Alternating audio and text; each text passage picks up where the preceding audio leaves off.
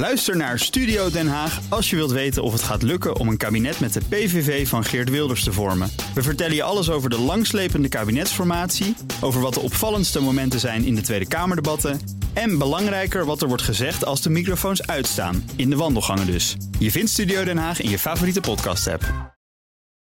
The Friday Move wordt mede mogelijk gemaakt door TUI.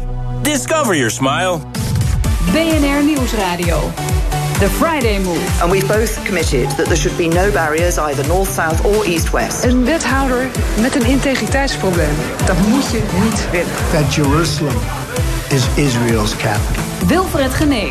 Het is de week dat Trump Jeruzalem bekend als de hoofdstad van Israël. Julio Poch weer voet aan grond zet in Nederland. En Russische atleten niet welkom zijn op de Olympische Spelen. We zitten vandaag op de Masters of Luxury. En naast mij zit niemand minder dan Adelheid Rozen.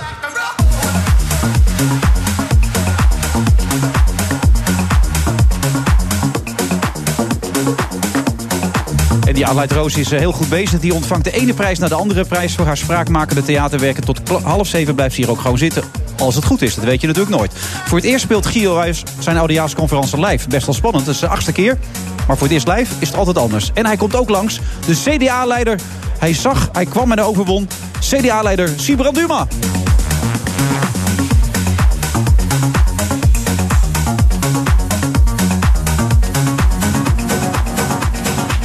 Dat is allemaal met onze eigen DJ Thomas Robson. Vrijdag 8 december live vanaf de Masters of Luxury in de rij. En ze kwam zojuist met pijn en moeite binnen. Ze moest even zoeken. Sterker nog, ze moest heel veel zoeken. Maar ze heeft het uiteindelijk gevonden. Uh, wat gebeurde er allemaal? Nou, het was weer een... Uh, ik ben al niet zo sterk. Uh, ik hoe noem je dat nou? Uh, de tomtom in je hoofd. Uh, het kompas. Navigatiegevoel? Uh, de, plattegrond, de plattegrond. Ja, links en rechts afslaan. Is helemaal niet mijn sterkste kant. En dat heeft jou enige moeite gekost om dit te kunnen vinden. Er was ook niet iets wat jou afleidde, begreep ik hier, hè? Nee, dat niet. Ik was op zoek naar jou. Dat vind ik eigenlijk het meest aantrekkelijke van deze middag. Oh. En alles wat ik hier in dit gebouw tegenkom... heb ik links laten liggen. Nee, dat was niet een auto of een prachtig kunststuk of iets wat jou kan raken hier? Of uh, horloges. Of, nee, ik geef er totaal niet om. Oké, okay. want uh, wat heb je met luxe helemaal niets dus? Nee, is, Wat is jouw meest luxueuze ding waarvan je zegt... nou kijk, daar kom ik nou mee aan, dat is trots? Nou, ik weet niet of, een ra radio, dat weet ik nooit. Maar mag je hier merken noemen? Of Alles zo? mag of, hier. Of, of, dus, oh, mag dit, je. programma ik, is ik, ongelimiteerd. Ik, ik heel uh, beschaafd te gedragen. Nou, ja. ik ben uh, wereldfan van de iPhone en van de Mac. Oké. Okay. Weet je, dus computers en, en die telefoon. Maar dat zijn dan eigenlijk de twee voorwerpen. Als je zegt, wat zou ik meenemen als ik mijn huis verlaat? En dan denk ik, uh, de trouwring van mijn ouders... Weet je, die zijn elkaar gesmolten. Die zijn allebei overleden. Van dat, een oude pijp van mijn vader. Ik heb mijn, mijn beer nog. Je beer van ja, je ik ben opvoeding? 59 jaar, dus die beer is ook 59. Maar daar heb je je aan vastgeklampt toen jouw moeder nog wel streng tegen jou was, in die periode. Moet ik het dat zo zien dat het jouw reddingsbeer was? Ja, dat was wel die, ja, die sleurde ik echt zoals Winnie de Poe achter me aan, weet je, aan één arm. Dus dat, die, die, die is ook helemaal uh, ver, vervallen en weer duizend keer aan elkaar genaaid. Maar de beer was wel, dat weet ik nog heel. Ik zei tegen mijn moeder, als ik niet meer onder haar regime uitkwam, en dat was haar straf, ja. zei ik tegen haar: Dit ga ik tegen beer vertellen. Dus hij was echt je reddingsbeer, ja, eigenlijk? Wat, nee, dat klopt helemaal. Wat je, en dan ging ik naar boven en dacht ik, nou, dit is de ultieme straf. Voor haar? Ja, voor haar. En dacht Oké. ik, beer gaat iets uithalen. Dat was de, kind, de kinderillusie. En die had je nodig. Want jou, als, als, ik, ik heb heel veel gelezen, Adelaide. Ik was eh, echt onder de indruk Ik van jouw hele het. leven. En ik merkte eruit dat, jou, dat jouw jeugd was verschrikkelijk. Heb je ook wel eens gezegd. Heel verdrietig. Maar ik ben er geen frustre- gefrustreerd mens door geraakt. Want dat heeft me ook verder gebracht door wie ik nu ben. Toch? Ja, ik, ik voel me eigenlijk vrij vrolijk erover. Dus, dat, dus dat, dat is dan toch wel. Die puzzel is dan in de loop van mijn leven. eh, op een goede manier in, in elkaar gevallen. Dus het was goed wat ze gedaan heeft. Dat strenge regime, dat ze je in zitjes liet zitten. Kinderzitjes om jou stil te laten zitten. Nee, zo kan je je nooit. strafte. Nee, nee, nee, nee zo, zo kun je, zo kun je de conclusie natuurlijk nooit trekken. Want dat is niet wat ik zeg. Eh, ik zeg alleen dat door hoe het gegaan is en hoe mijn leven verder is verlopen. En wat voor soort. eh, misschien ook wel omdat ik het, eh, het kunstonderwijs in ben gegaan. Dat ik naar de academie ben gegaan. Dat ik dingen. Dat ik expressie heb kunnen geven aan. Eh, autobiografisch werk. Dat je, weet je wel, dat je de wereld kon gaan vormgeven zoals ik hem wilde vormgeven. Dat dat misschien op een bepaalde manier geholpen heeft aan kracht. Omdat mijn moeder eh, de opvoeding van mij en mijn zus heeft vormgegeven. Dus ook Ja. eigenlijk een beetje als een legerleider van een klein huiselijk eh, staatje, weet je wel. En als je theatermaker bent, dan kun je de wereld ook vormgeven. niet voor langere tijd, maar wel voor momenten. Je, dat je denkt, nou, dit is dan de zachte wereld zoals ik hem zou willen, weet je. En hij is nu zacht, de wereld ook. De wereld voor jou is nu zacht. Zo hard als hij als kind was. Als kind was hij in een constante stand, staat van paniek, heb je ook wel eens gezegd. Dat ben je helemaal kwijt nu. Nou, dat, dat popt he- helemaal, als ik, weet je helemaal is denk, ik, is denk ik nooit weg. Ik denk dat je zwakke plek wel, je zwakke plek blijft. Als je de beer ziet, want je ziet de beer regelmatig dus. Nee, dat, de- ik heb niet meer. Ik, ik vind het gewoon een supermooi object eh, in mijn kast. Ik, weet je, het is een soort herinnering dat ik. En hij staat gewoon tussen de boeken. Weet je, dus nou, dat zou ik Maar dan. het is een ding geworden, geen gevoel meer. Nee, nee, het is geen gevoel meer. Nee, en dat is ook waarom ik denk, ik ben, ik ben een vrolijk mens. Omdat alle, ook als ik aan mijn moeder denk, of ook... Dat, ja, dat is, dat, ik weet niet, die puzzel is op de een of andere manier gelegd. Ja, je hebt en dan natuurlijk je documentaire met haar kunnen maken natuurlijk, mam. Dat heeft je ook geholpen, neem ik aan, toch? Ja, absoluut, ja. Samen in de zandbak, even het gevoel delen. Ja, ja Toch? precies, ja. Ja. ja. Wat vroeger niet kon natuurlijk. Als kind kon je het niet met haar delen. Eh, wat ik zo apart Ja, vind... ik vond haar lief. Ik vond haar, ik, maar echt. Wilfred, ik ben, ik, ik, ik ben denk ik een half jaar gewoon oprecht een beetje van mijn pad geweest. Dat ik wekelijks tegen mijn collega's zei... Oh jongens, ik moet even zeggen, ik ben gewoon verliefd. Ik kan het niet geloven. Ik, ik fietste naar mijn moeder. Ik dacht... Oh, schat, je bent toch uit dat ei gekomen. Weet je wel, ze is tevoorschijn gekomen. Uit dat harnas bijna, als je het ja, zo omschrijft. exact. Ja. exact. Ik noem het ook altijd alsof ze een hele grote... Weet je, als je, mijn moeder was een soort hele grote, voorname Chinese vaas... die op een sokkel staat en waar mijn zus en ik tegen opkeken. En waar je... Nou, dat kon je bijna niet aanraken. En door die Alzheimer is het krakkelee gewoon in haar. Zo noem ik het. het Ja. En stuk voor stuk vielen daar brokken uit. En op een gegeven moment, bam, flikkerde die hele vaas kapot. En stond daar een mens... Zij was gewoon, het, het was net een slang die zich ontdeed van een huid. En zij was één grote zachte bloem. Weet je wel, ik vond het een wonder. Ik vond het echt een Dus wonder. alle hardheid die, waar zij voor stond was verdwenen. Alles was weg, dat beeld zeg maar. Was weg. Ja. De zachtheid was overgebleven. En als ze nog wel eens boos werd, of als ze nog wel eens razend werd, of zeer gefrustreerd of zoiets, dan. Ik zag eigenlijk voor het eerst dat dat niet naar mij of naar mijn vader of naar mijn zus gericht was. Ik dacht, nee, dit, dit komt gewoon in haar op.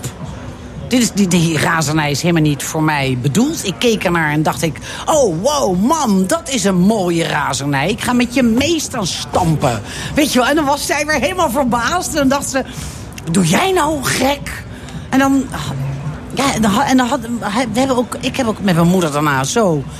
Tot schaterlachen toe. Weet je, echt op het bed vallen van geluk van het lachen... en dat je niet weet waarom je lacht.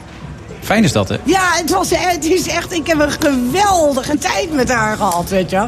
Ik kan er echt ontroerd van raken. Dat is eigenlijk dus de beloning die je alsnog kreeg... na die jeugd die je had gehad met haar... die zo negatief was geweest op een bepaalde manier. Dat is eigenlijk wat je zegt. Nou, jij bent wel zo'n lieverd dat je dat zo formuleert. Want dat is het exact.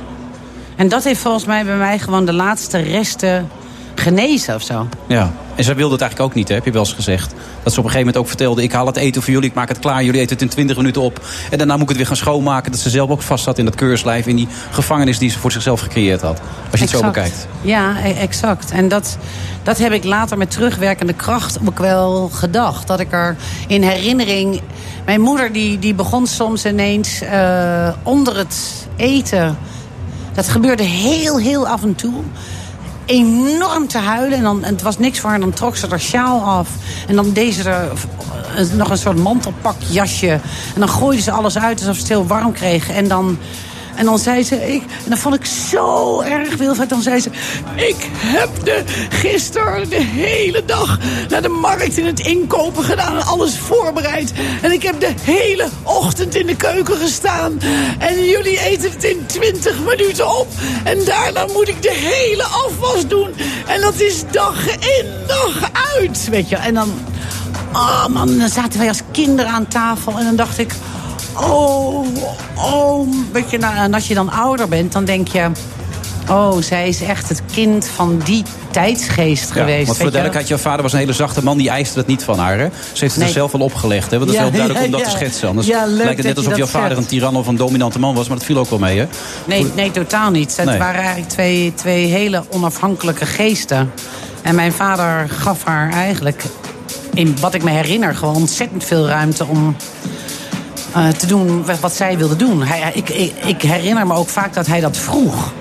Wil je dit? Wil je iets anders? Wil je zus? Wil je... Wil je... Nou ja, Zo'n soort programma wordt het vandaag. Heel luchtig, oppervlakkig, dat merk je wel. En dat tot de klok van half zeven.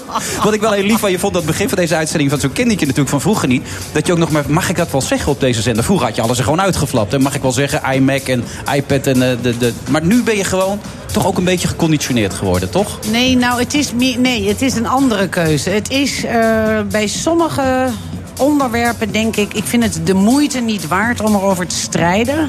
En ik vind het verhaal belangrijker dan... eh, de verwarring over het noemen van die. Dan krijgen we daar weer tien minuten een gesprek over. Ja, zonde van je tijd. Weet je, en dan vind ik, ja, ik begin, als je ouder wordt, vind je ook, ga je ook dingen zonder van je tijd vinden. Nou, leuk hè, ouder worden zo. Ja, ja, Ja. ja. Nou ja, dat gaan we ook aan Guido Weijers vragen. Die werd zojuist aangesproken als meneer. Daar moest hij heel even aan wennen. Maar ook Guido moet eraan geloven. Zometeen gaan we praten over zijn audiaansconferentie.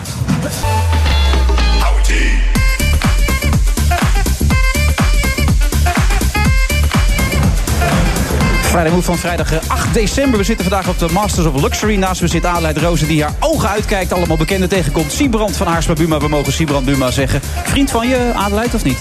Siebrand? Ja, nou ja, de. eh, zou. Maarten van Rossum vroeg het, hè? In 2016 vond ik een mooie vraag. Eh, zou Jezus, als hij nu op aarde was, op je stemmen? Dat vroeg je aan Siebrand. Ja, dat vond ik mooi. Wat zei Siebrand toen? Eh, die was, maar dat wou ik hem vragen. Eh, volgens mij was die verontwaardigd, maar ik, ik begreep eigenlijk niet helemaal waarom. Oh, dat is een goeie dan. Houden we die Ja, even ik vast. vond het een Hij- mooie vraag. Hij schuift zo meteen aan, houden we die even vast. Maarten van Rossen met zijn vraag. Eh, belangrijk ook dat je er bent. TV-shows ben je niet zo van, heb ik begrepen. Omdat je het vaak niet echte spontaniteit vindt. Hè. Er wordt geen spontaniteit geduld op tv en talkshows. Vind je dat echt? En als het is, is het geregisseerde spontaniteit, heb je wel eens gezegd. Vind je dat echt op tv? Dat er niks aan echtheid is?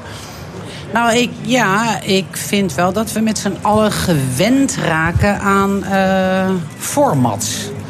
Weet je, en concepten. En eh, dus dat je denkt, dit hoort, dit hoort niet. Of ik vind ook dat bijvoorbeeld talkshows waanzinnig veel op elkaar lijken. En Ja. ik zou wel, als ik. Ik zat toevallig van de week... eh, Monty Python terug te kijken. Weet je, zo af en toe dan kan ik het gewoon niet laten hoe heerlijk dat, is. En denk ik, oh, die, die, met, die, met die ferme stappen door de, door, de, door de schermen heen en door de muren heen. En, en dat de deuren te klein zijn en dat je ze eruit wil breken. Dat, of ik vind de, de- als het gedragen wordt door passie, vind ik altijd mooi. Ik, je ziet dat bij talkshow ook, dat kan dan technisch niet, zou je in eerste instantie zeggen, dat je niet op kan staan. Weet je? Omdat je maar dat kan natuurlijk wel. Eigenlijk kan het wel. Bij ons gebeurt het gewoon soms. Op bij VI er gaat René staan, of Johan, of iedereen wordt boos. Ja, eh, ja, of Johan ja. loopt weg en komt niet meer terug. Dat komt ook nog wel eens voor. Ja, ja, dat is eigenlijk fijn. Ik vind, ik vind dat heldere bewegingen. Ja. En naast me staat Guido Wijs, die zojuist verklapt heeft dat hij zijn carrière begonnen is. omdat hij een videoband heeft liggen van jou. Samen met Karin Bloemen, toch, Guido? Ja, zeker. Dat was in de tijd Ja, van de- dat zeg je nou net. Dat is wel mooi. Ja, maar ik ken eh, alles van die tijd, eind jaren 80. Ik heb ook nog videobanden van Joep van het Hek van 1989 en Freek de Jonge Ja. in 1990. Maar al die En, voorstellingen lijken op elkaar. Hè? Je kan ze van allemaal pakken door de jaren heen van Joep. En elke keer zegt hij, ja, je moet eruit breken. Je moet eh, naar Parijs toe gaan. En je moet leven alsof het je laatste dag is. ja, Maar- never change your winning concept, moet hij ook denken. Ja, dat denk ik ook, inderdaad. Maar ken je dat gevoel wat, wat, wat, wat, wat, wat, wat Adelheid nu een beetje zegt... over het gebrek aan die spontaniteit? Want Ik herken dat heel sterk. Ja. Ja, want, maar het is ook zelf, als ik zelf in een talkshow zit of zo, ik sla ook een beetje op slot. Ja. Want het is, eh, je moet altijd een beetje lachen om elkaars grapjes. Ook als je ze niet leuk vindt. Want dat is gewoon, ja, anders komt het voor tv heel awkward over en zo. Dus ik, ja, dat is ook de reden dat ik theater zo fijn vind. Het publiek is altijd gewoon knijter eerlijk. Als een grap wel leuk is, lachen ze hard. En als het niet leuk is, dan is er een stilte. Maar dat is... Ik vind die spontaniteit die ik samen met de zaal kan hebben... veel prettiger zelf dan, dan tv. Maar je gaat er wel zitten. Waarom doe je dat dan? Want je vindt het dus eigenlijk niet heel leuk om daar te gaan zitten. Ik ga er alleen zitten als ik iets te verkopen heb. Je moet echt iets komen om te verkopen. Dus nu verkoop je ook iets. Dit vind je ook Nou ja, helemaal nee, niet leuk. ja, maar... Binnenkort is mijn oudejaarsconferentie. Ja, dan, kan ik leuk, dan kan ik leuk over, eh, eh, over iets, eh, daarover praten. Ja. Maar anders sta ik gewoon liever in theater met een zaal vol enthousiaste mensen. Maar is, is zo'n oudejaarsconferentie, nu even over muren doorbreken... kun je dat ook nog anders dan anders doen, een oudejaarsconferentie? Of moet je gewoon een oudejaarsconferentie op een standaard manier doen, vind jij? Nou, eh, ik denk dat de tijd wel aangebroken is om, eh, om elkaar toe te staan. Dat je ook, dat vind ik belangrijk om te zeggen, eh, dat je mag falen. Dus er zit een gevaar, vind ik, aan succesformules. Want dat, dat houdt in dat het, het wordt eigenlijk smaller. De, eh, de succesformule wordt smaller gedefinieerd. Eh, eh, het, je, voelt, je wordt in een schoenendoos of in nog een klein of een luciferdoosje uiteindelijk geduwd. Want dan moet jij dus daar en daar en daar aan voldoen. Als je bijvoorbeeld zo'n oudejaars doet. En ik vind het wel mooi, weet je, als, als weer eh, jonge generaties de kans krijgen om er echt uit te breken, eruit te flikkeren. eh, en dat we daar met z'n allen een uur naar gaan zitten kijken. Dat, dat zou ik fijn vinden. Hoe voel jij het voor deze keer? Want je gaat het nu live doen, hè, voor de eerste Ja, keer. Waarom? voor de eerste keer live. Ehm, ja, dat is, eh, en RTL vindt het ook gewoon tof om te doen... omdat er daarna het grootste vuurwerk van Nederland is. Dus dan, eh, ik Oh, ga wow. vanuit het theater rechtstreeks, stap ik op een motor... en dan ga ik eh, tien minuten later op een rode knop drukken... om het vuurwerk samen met eh, burgemeester Abu Talib te ontsteken. Ja. Dus dan is het ook echt een volledige avond, oudjaarsavond. Ehm, en voor mijzelf is het gewoon leuk om na zeven oudejaars... eens het een keer live te doen. Je moet jezelf af en toe ook een keer kietelen in het leven... en Ja. weer eens wat nieuws Hoeveel spannender is dat dan, als je al zoveel hebt gespeeld? Nou ja, ik moet me vooral aan mijn tijd gaan houden. Ja. Dat is het. Hè. Ik moet mezelf de, de, eh, de vrijheid gunnen om wel met de zaal te kunnen spelen en te mogen improviseren. Maar tegelijkertijd, ja, 12 uur blijft 12 uur. Dus ik moet gewoon eh, een klok in de gaten Ja, gaan houden. live is toch het mooiste wat er is, Adelij? De? Live spelen is toch het mooiste wat er is? Ja, absoluut. Absoluut. Het is waanzinnig als je. Ik vind het echt geluk. Er, er, zijn momenten op het podium dat je bij wijze van spreken door je tekst kwijt te zijn. En de stilte die valt aan te durven gaan. Of die moet je wel, maar als je dan blijft ademhalen. En je, en je blijft in de ritmering en dan schiet, er, schiet je iets nieuws te binnen. Dat je dan, en dan, ik weet niet, het is, ik vind het soms momenten van ultiem bestaan of zo. Ja, voel je dat ook zo? Ja, het is ook wel, ehm, eh, dat is ook wel echt geluk. De- ook improviseren met een zaal, dat is geluk. Ehm, en volgens mij zit, zit een van de geheimen daarin... dat je als je op het podium staat... eh, je kunt niet denken aan wat je eh, vanmiddag hebt gegeten... of je kunt niet denken aan ik moet straks nog naar huis rijden. Je, je bent samen met die zaal. Dus je Ja. kunt alleen maar denken aan nu en hier. En dat is volgens mij ook een, een, een, soort... ehm, eh, eh, ingrediënt voor geluk. Dat je alleen maar in het nu en hier bent. Dit is, en als, bijna en als Eckhart, dat is- ontstaan... dit is bijna Eckhart Tolle nu, hè, wat je nu aan het doen bent. Ja, hè? maar, ja, de maar, kaart- het is, maar, het wel dat- echt zo. Kijk, Ja, als ik op een snowboard dat sta, dan, denk ik alleen maar aan de volgende bocht. Ja. En daarom vinden veel mensen snowboarden zo tof. Of karten of zo. Daar, daar krijgen ze een kick Dat van. je het nu kan zijn. Ja, en omdat je niet gaat nadenken van... ah ja, op mijn werk is het allemaal kut. Of, of, nee, je denkt alleen maar aan wat je op dat moment aan het doen bent. En dat is voor mij, op een podium staan... is alleen maar denken aan dat moment... samen met die zaal iets moois maken. Nou, wat ik. Ik weet niet of jij dat herkent. Wat ik ook altijd heel tof vind, is. Dat publiek, je bent klaar, die, het publiek loopt de zaal uit. eh, dat gordijn gaat wel of niet dicht, maar even symbolisch. Dan gaan die TL-bakken in, die, in die grote zaal weer aan. En dan voel ik het altijd als een, eh, als een boeddhi- Weet je wat je hebt? Boeddhistische eh, zandtekeningen. Weet je, je maakt ze met app. En theater is echt, en met vloed zijn ze weg. Ja. Dus je, je, je, ik, loop al, ik ga altijd nog even voordat ik weg ga de techniek goeiedag zeggen. Ja. Dan heb je zo'n kaal podium, of alles in boksen gedaan. Weet je, en, die, en denk jongens, zal ik een biertje voor je halen? En dan heb ik altijd zo'n, ja, dat, dat is ook dat geluk. Dan Het denk is ik, het zo is... herkenbaar. Er is geen leegheid tegelijk. Nee, Nee, nee, juist nee, niet. Nee, nee, nee, het is een soort stilte na de storm. Maar eh, dat, is, dat is voor mij ook serieus een van de geluksmomenten van zo'n avond. Want je bent de hele tijd aan het spelen. Daarna ga je de foyer in. Dan gaan ook mensen nog allerlei dingen tegen je zeggen. En foto's. En, ah, gezellig, leuk, leuk. En dan loop je daarna inderdaad nog terug. Ik neem ook altijd de achteruitgang. Ik ga nooit langs de kassa als ik wil. Ja, Ik ga ja, altijd ja, ja, door de, rolluiken, door de, de roldeur van de techniek wil ik naar buiten. Maar juist dat laatste loopje over het podium. En je kijkt nog zo de zaal in waar een uur geleden die staande ovatie was. En die, die puurheid, die stilte die er dan heerst. Ja, of dat, een eh, magere stilte. applaus, dat kan ook. Dat hebben we ook Maar wel eens, dat- toch? Ja, maar, maar, maar dat... Ja, maar Dat kent Guido niet meer, heb ik, als ik zo hoor. Toch? Ken je Ja, het nog wel eens of niet? is- ik ben nu aan het try-outen, dus hoe gaat het? Het gaat heel goed, ja. Maar het is ook, het is ook eh, ja, bijna gewoon eh, standaard dat mensen tegenwoordig gaan staan en een... een, een eh, Dat vind ik jammer. ja. Dat ja, vind ik echt jammer. Als je, als je nou echt gaat try-outen in de, in dorpshuis Ben en je het eens? Want dan gaan we nu het publiek oproepen. Want dat wil ik eigenlijk al heel lang. Ben je het eens? Want dan doen we het samen. Nou, het zou kunnen, maar Ben- ik denk dat in het theater krijg je even het niet meer voor elkaar. Nee, we Waar moeten het eerst krijgt. formuleren. We moeten het eerst formuleren aan het publiek. Jij formuleert ben- dus? Ja, ik ben voor dat het publiek minder opstaat. Nou, nou, applaudisseert. gewoon eerlijker is, dat. Ja, nou, Ja. applaudisseert van... oké, dat vind ik best oké en ik zie je poging. Dat is een 7,5. en een half. maar dan zou ik al niet En eens klappen.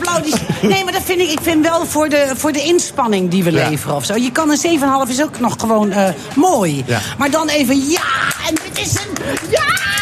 Ja. En dan nog een keer, nog een keer weer. En dan een 10.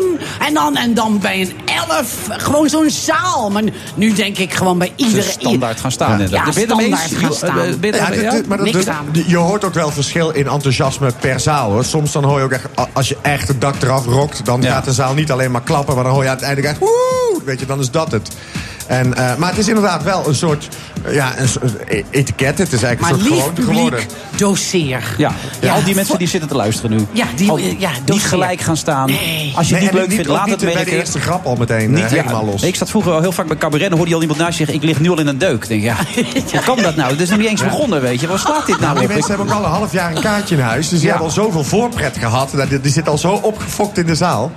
Maar die Ja. oudejaarsavond, eh, ga je doorbreken? Wat, wat, wat Adelheid een beetje roept, zoals de Nee, jeugd het zou moeten doen? Ik, Of? ik, ik, ik zeg wel altijd tegen het publiek: als je moet lachen, moet je lachen. Maar ga ook niet lachen als een grap niet goed is. Weet je wat?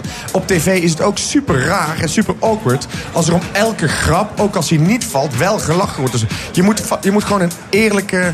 eh, mensen denken wel heel vaak dat er een lachband onder zit of zo. Maar nee, dan was het gewoon een goede grap. Of is de sfeer in de zaal gewoon heel erg goed. Ja. Eh, maar als het, als het niet goed is, laat dat ook gewoon zien. Want anders dan wordt krijg je echt zo'n ingeblikte, eh, ja, een nep, nep en ga je ding. Joep pakken die avond?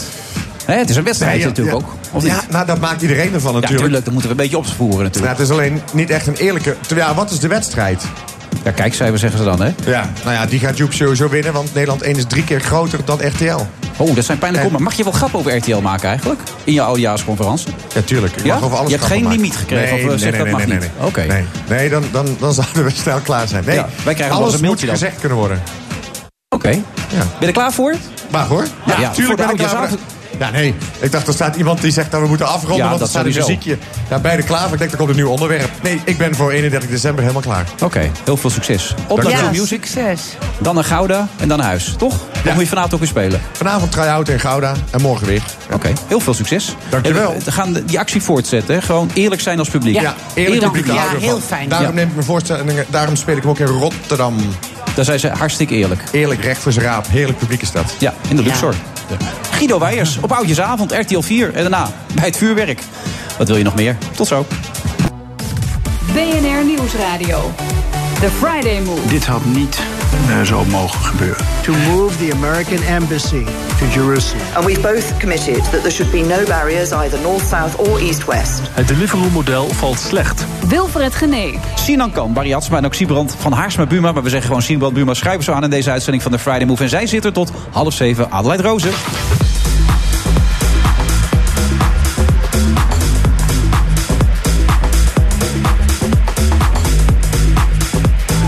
Dat allemaal op de Friday Move van de vrijdag eh, 8 december. Masters of Luxury in Amsterdam. Daar kunt u langskomen, heb ik begrepen. Dat hebben meer mensen gedaan. Het is hier best eh, druk. En onze eigen DJ is nog steeds. Hij is nog niet ziek. DJ Thomas Robson.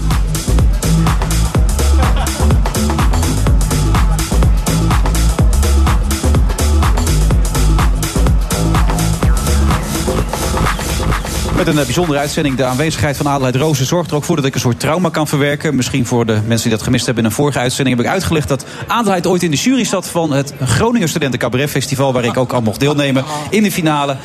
Ik heb een half uur gespeeld, er werd niet één keer gelachen. En toen zei Adelheid na afloop als juryvoorzitter Wilfred... het was erg aandoenlijk wat je deed. Het heeft me jaren gekost om daar overheen te komen. Ik heb nog gezegd, had dan gezegd dat het kloten was of dat het slecht was. Maar nee hoor, het was aandoenlijk.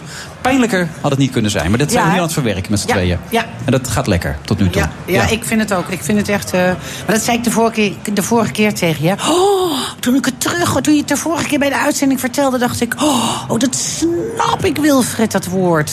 Ja. En ik denk dat ik gewoon. Het in was gewoon ver- kut, hè? in- Zeg het nog ja, even. En dat ik in, slecht, verlegenheid was Ja, gebracht. En dat ik toch het. dacht: Ja. ik wil je zacht ontvangen of zo. Ik vond het ook ten. En dat overvalt je, denk ik. Oh, denk je, oh, en dan.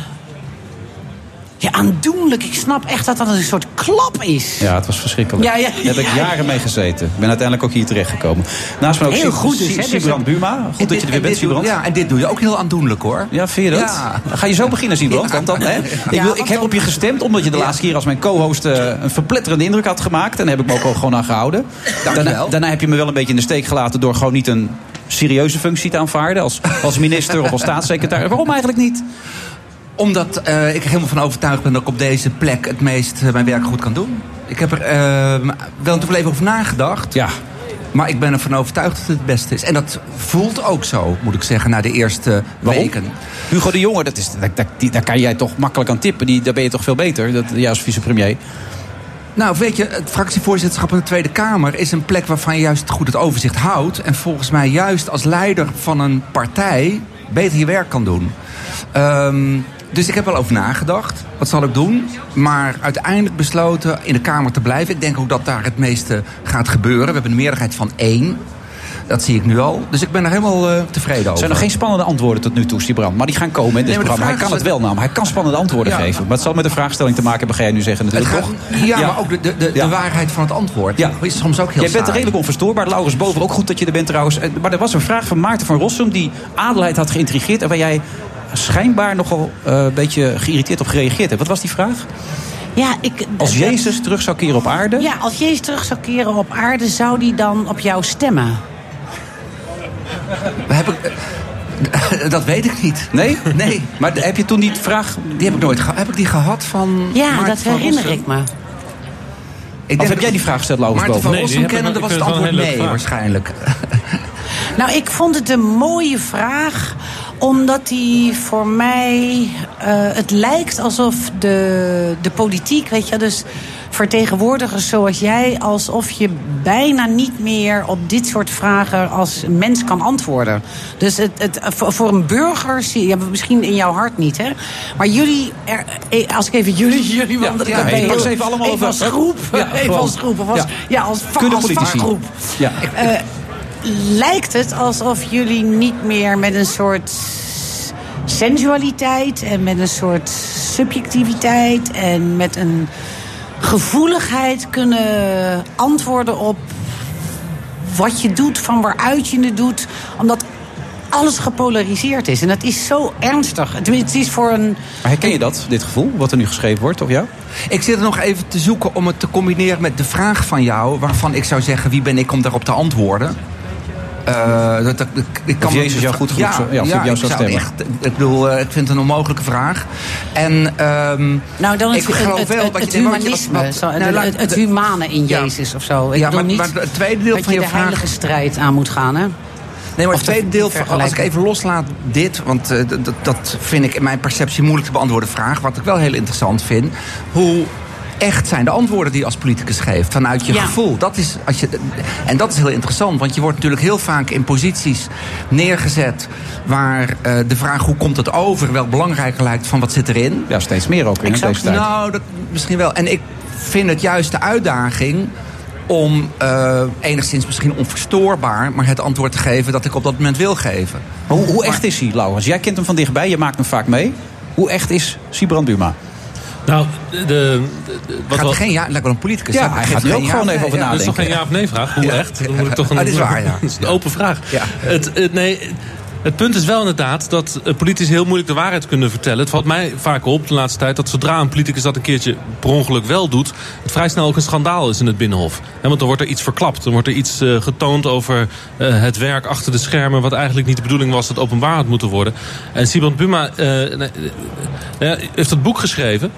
hoe heet het ook alweer? Dat, eh, Tegen het cynisme. Tegen het cynisme. Tegen het cynisme, zag En, boek. heb nou, hem thuis liggen nog. Heb je, heb je hem gelezen dan ook, wel. of niet? Nee, hij staat op een stapel. Oké. Ja. Nou, ik kan hem je in zekere zin wel aanraden. stapel. Omdat het een... ehm, eh, de- de- de- de- daar zie je wel een soort verhaal in van hoe Buma denkt dat, dat hij en zijn familie een plek heeft in Nederland. En een rol die hij dan vervolgens ziet voor zichzelf in dat land. En die speel je volgens mij ook. In die schoollezing zit dat ook. Dus dat verhaal over het conservatisme en over eh, die visie op Nederland... en dat Nederland op een bepaalde manier is... omdat we nou eenmaal zo zijn geworden vanuit de geschiedenis...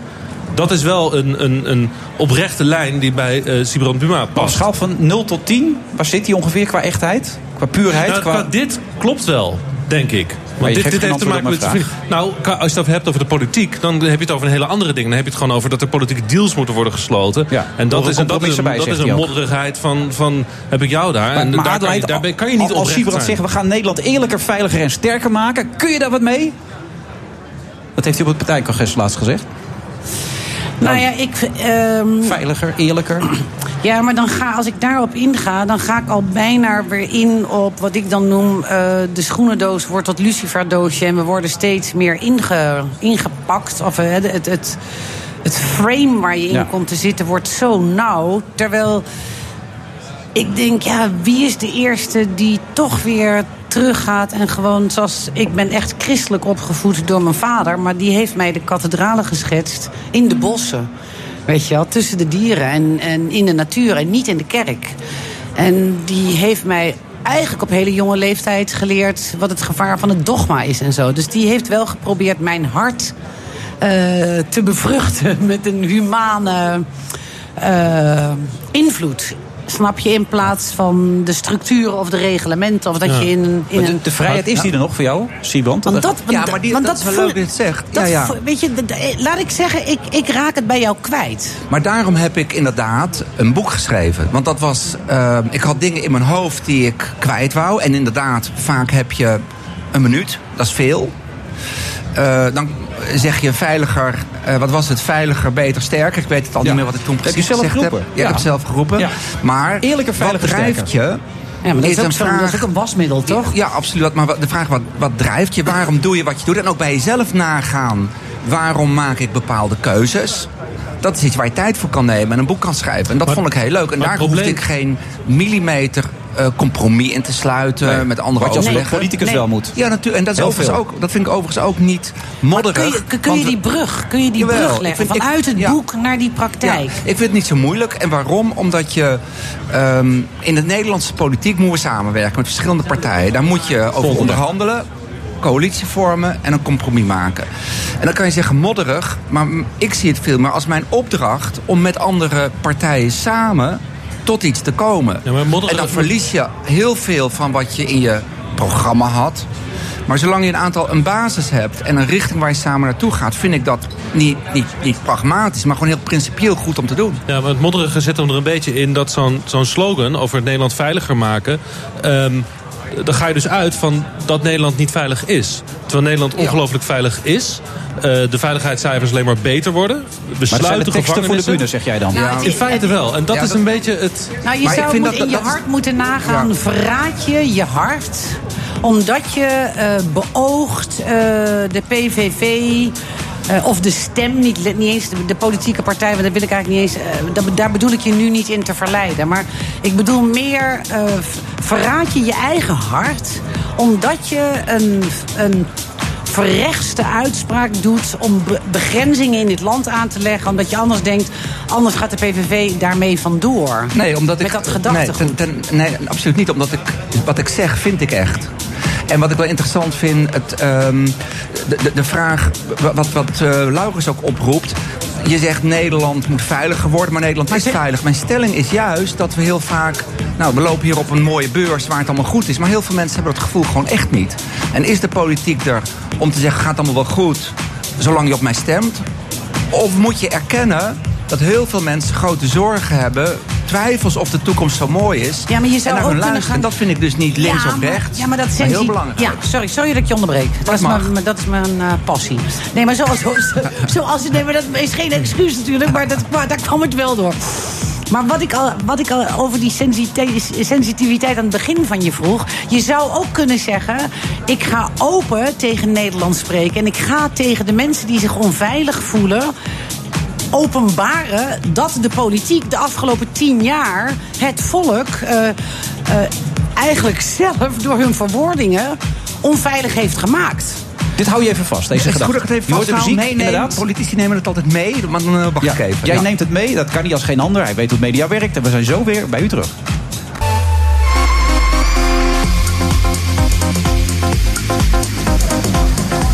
We gaan weer, roept Siebrand uh, Buma. Dat klopt inderdaad. De CDA-leider zit nog steeds naast me, net als Laurens boven. En natuurlijk Adelheid Rozen, die een soort eh, stelling poneerde... waar jij nu op gaat reageren. Of het volk...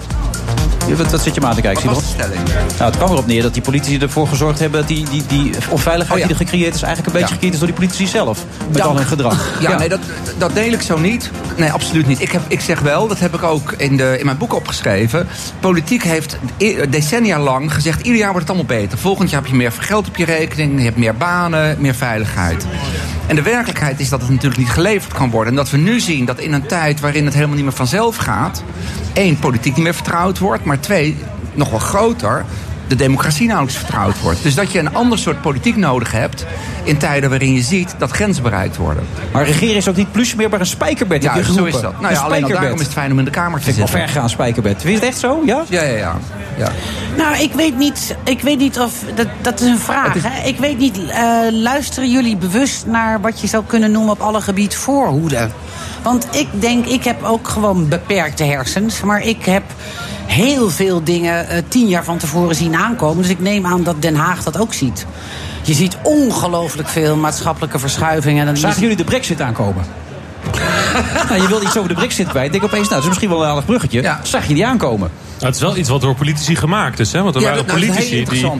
Dit- die dus dit, eh, dit Die- hebben aange... Absoluut. het vuurtje hebben opgestookt. Dit, dit is heel interessant wat je zegt. Ik heb een jaar in Engeland gestudeerd, alweer 20 jaar geleden. En toen werd 30 jaar geleden, 35 jaar geleden. Zo, toen het werd gaat steeds langer, lang, ja. lang geleden. Heel lang geleden, ja. Maar toen zei die, vond dat zo TV, interessant. ja. Toen zeiden die mensen al, als ze naar Nederland gingen, we're going to Europe. Ja. En ze hadden het ook altijd over export to Europe. Dus je had Britain en je had Europe. We hebben nooit dat als één geheel gezien. Decennia lang.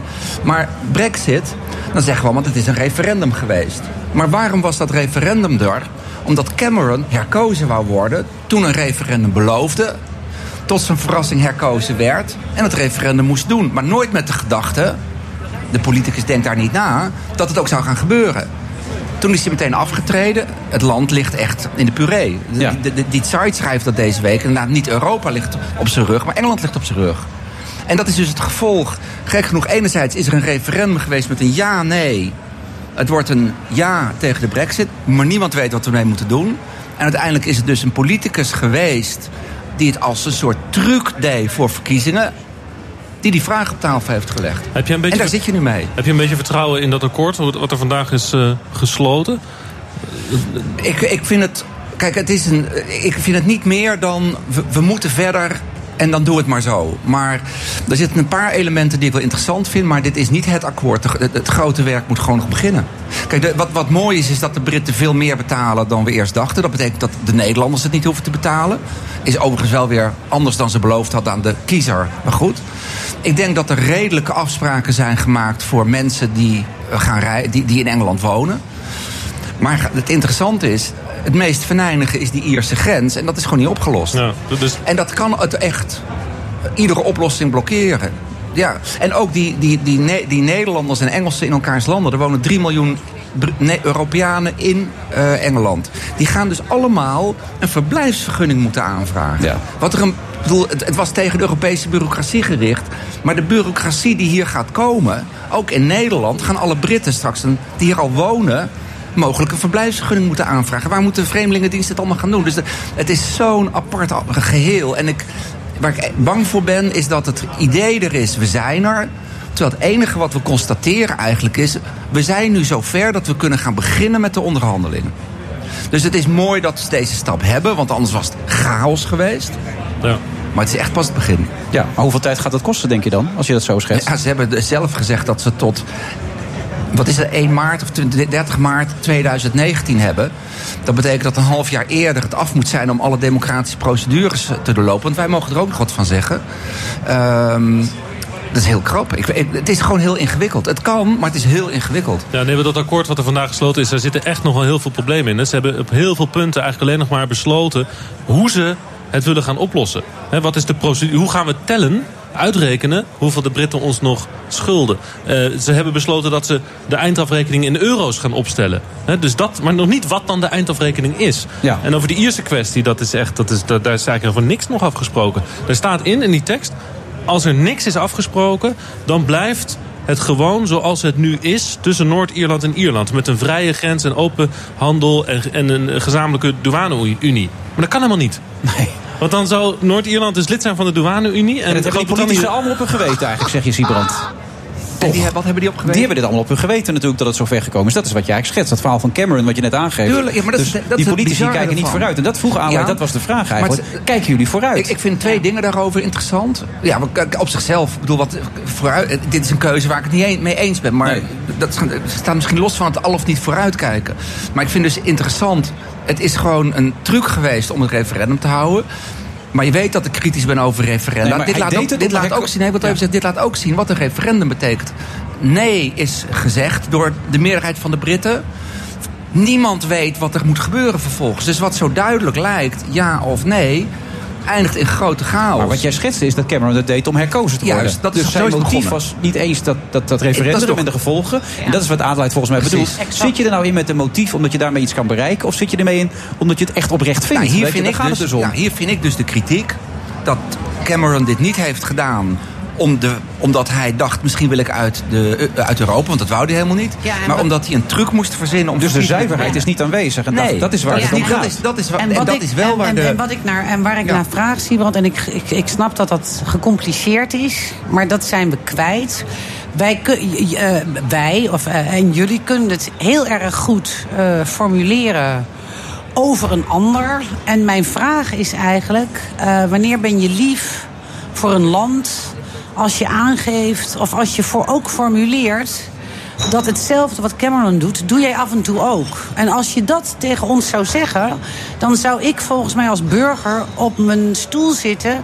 Hetzelfde als bij een verpleegster of bij een leraar op school of bij een politieagent. Ik betaal bijvoorbeeld mijn boetes heel graag als ze me gewoon gegeven worden.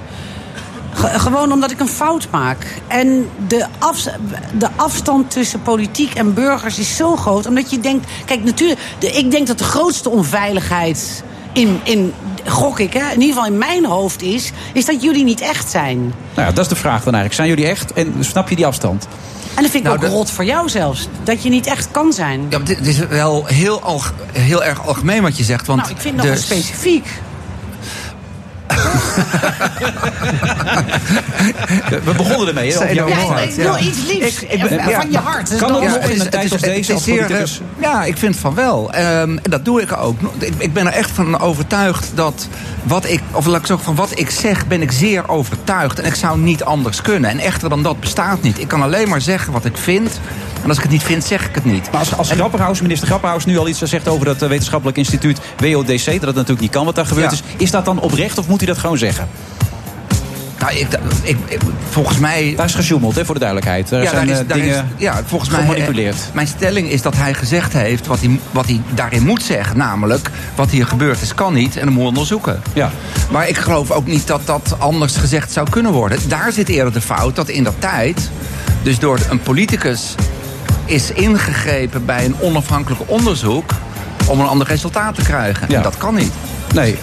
Ik Maar de gun vraag- het je. de- vraag- dat is meer, ik gun het je. Maar waarom, Snap je? Ja, maar de vraag van Adelheid van kan je jezelf zijn? Ja, dat kan, maar je moet het wel willen. En soms moet je dus ook dingen zeggen, wat ik ook doe, waar je weer kritiek op krijgt, zonder dat je bang bent voor de kritiek. Hij wilde Maar waarom is dan Mark Rutte zo algemeen als hij net in de persconferentie die vraag krijgt over die onderzoeken van de WODC? En, en eh, krijgt hij de vraag van nou, eh, sta je nog wel achter de uitspraken die je hier hebt gedaan op basis van die onderzoeken? En dan geeft hij een heel algemeen ontwijkend antwoord. Terwijl eigenlijk zijn eigen frustratie verwacht op zo'n moment. Dat hij dan Ja. laat zien van ja jongens, ik voel me ook genaaid. Ja, maar ik ga, me niet voor, voorgelicht. ja, ik, ik ga niet voor een ander spreken hoe die er weer Zou jij je genaaid voelen? Als je Ja, op basis is- van die... eh, Ja, onderzoeken? Nou ja, ik heb dat ook, dat letterlijke woord niet, maar ik heb wel in andere, net, nog nettere woorden gezegd. Nog netter? Ja, nice. ja. Oké. Want, want- nee, nogmaals, als je eh, toch. eh, we hebben daar een onafhankelijk onderzoeksinstituut. Dat krijgt opdrachten van het ministerie, maar moet niet antwoorden geven die je wil horen. Dat klopt gewoon helemaal niet. Nee. Wat, wat moet ik er meer van zeggen dan dat Nou, zijn we En ik klaar. Nou, dat is ook weer jammer. Ja, had, had je nog iets wat je kwijt wilde dan? Nee, nee, ik vond het wel weer prima. Ja? Ja, het is een beetje anders dan anders, hè, toch? Het, het was eh, absoluut kun, eh, ehm, a- anders dan anders. En Ja. dat is ook wel weer leuk. Ja. We, ja. zijn de, we zijn de diepte van eh, de geest ingegaan. Ja, Ja. daar hou je van, hè? Ja, vind ik Ja. leuk. Ja. Volgende keer gaan we het over wielrennen hebben. Goed?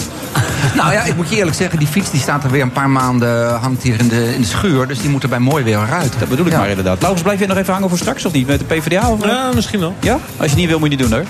Nou, de, de- je kan daar verder op slagtanden kopen. Daar wil ik nog even naartoe. Van Ja. de mammoeten. Oké, je hoeft niet meer terug te komen. Bedankt. Ja, jasses. Sibera, bedankt. Graag gedaan. En tot de volgende keer. Ja, leuk. Een keer co-host weer, dus misschien ook wel lachen. ontzettend leuk. Ja? Ja. Doen we dat weer. Ja. Tot Tot later. ziens.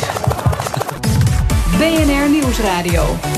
The Friday Move. Dit had niet eh, zo mogen gebeuren. To move the American embassy to Jerusalem. And we've both committed that there should be no barriers either north, south or east, west. Het Deliveroo-model valt slecht. Wilfred Genee. Live vanaf de Masters of Luxury in de Rij in Amsterdam.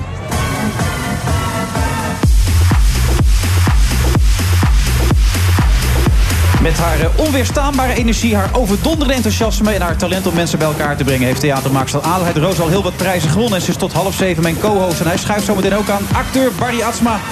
Hij gaat vertellen over zijn internationale carrière. En NOS-journalist Wilco Boom interviewde 19 PvdA'ers. Dat hij er nog 19 heeft kunnen vinden op zich al. En hij geeft straks een analyse van de neergang van die partij.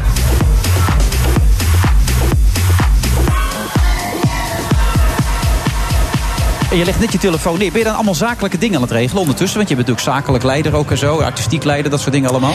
Nou, ik ben eh weg. Dit, ja, je had het wel goed gezien. Ik had even een verwarring in mijn agenda. Want we hebben ehm, om zes uur eh, in Amsterdam... Nou, we zitten natuurlijk in Amsterdam bij de Ja. RAI. Maar in het centrum, in de repetitieruimte... eh, alle acteurs en de regisseurs van de nieuwe wijksafari... die gaat plaatsvinden in Ja. Utrecht in een AZC dit seizoen. En wij komen samen en zij hadden erop gerekend dat ik... Dat jij om- er om zes uur zou zijn. ja, ja, ja, dus ik moest even zeggen... Oh, er is iets misgegaan. Maar zij zitten daar eh, te eten. En Oh, dus je eh, kan aanschrijven later Ja, we hebben gewoon het eerste overleg. Bloedgezellig. Ja, maar wat ik zo grappig vind, want Mirai, onze eindredactrice, probeerde jou ook te contacten. En toen kregen ze iemand aan de lijn en zei: Ja, misschien dat Adelheid straks nog een kwartiertje over heeft om even met jou te praten. Want Adelheid heeft een heel strak schema. En dat probeerde ik me jou voor te stellen in jouw persoonlijkheid. En dan zo'n strak schema. Dat, dat, dat kon ik niet helemaal matchen. Oh nee? Nee, jij wel? Nou, ik ben... eh, ja, ik kan dat heel goed. Ik ben super... Wat ga je nu opzoeken in je tas? Ja, ik wou... Je zit te zoeken in je tas. Nu voor de mensen thuis Ja, denken, ja, waarom is ze is zo slecht verstaan? Maar ze zit nu in haar rode tas. Andere tas wordt nu ook open gedaan. Dat is een andere rode tas.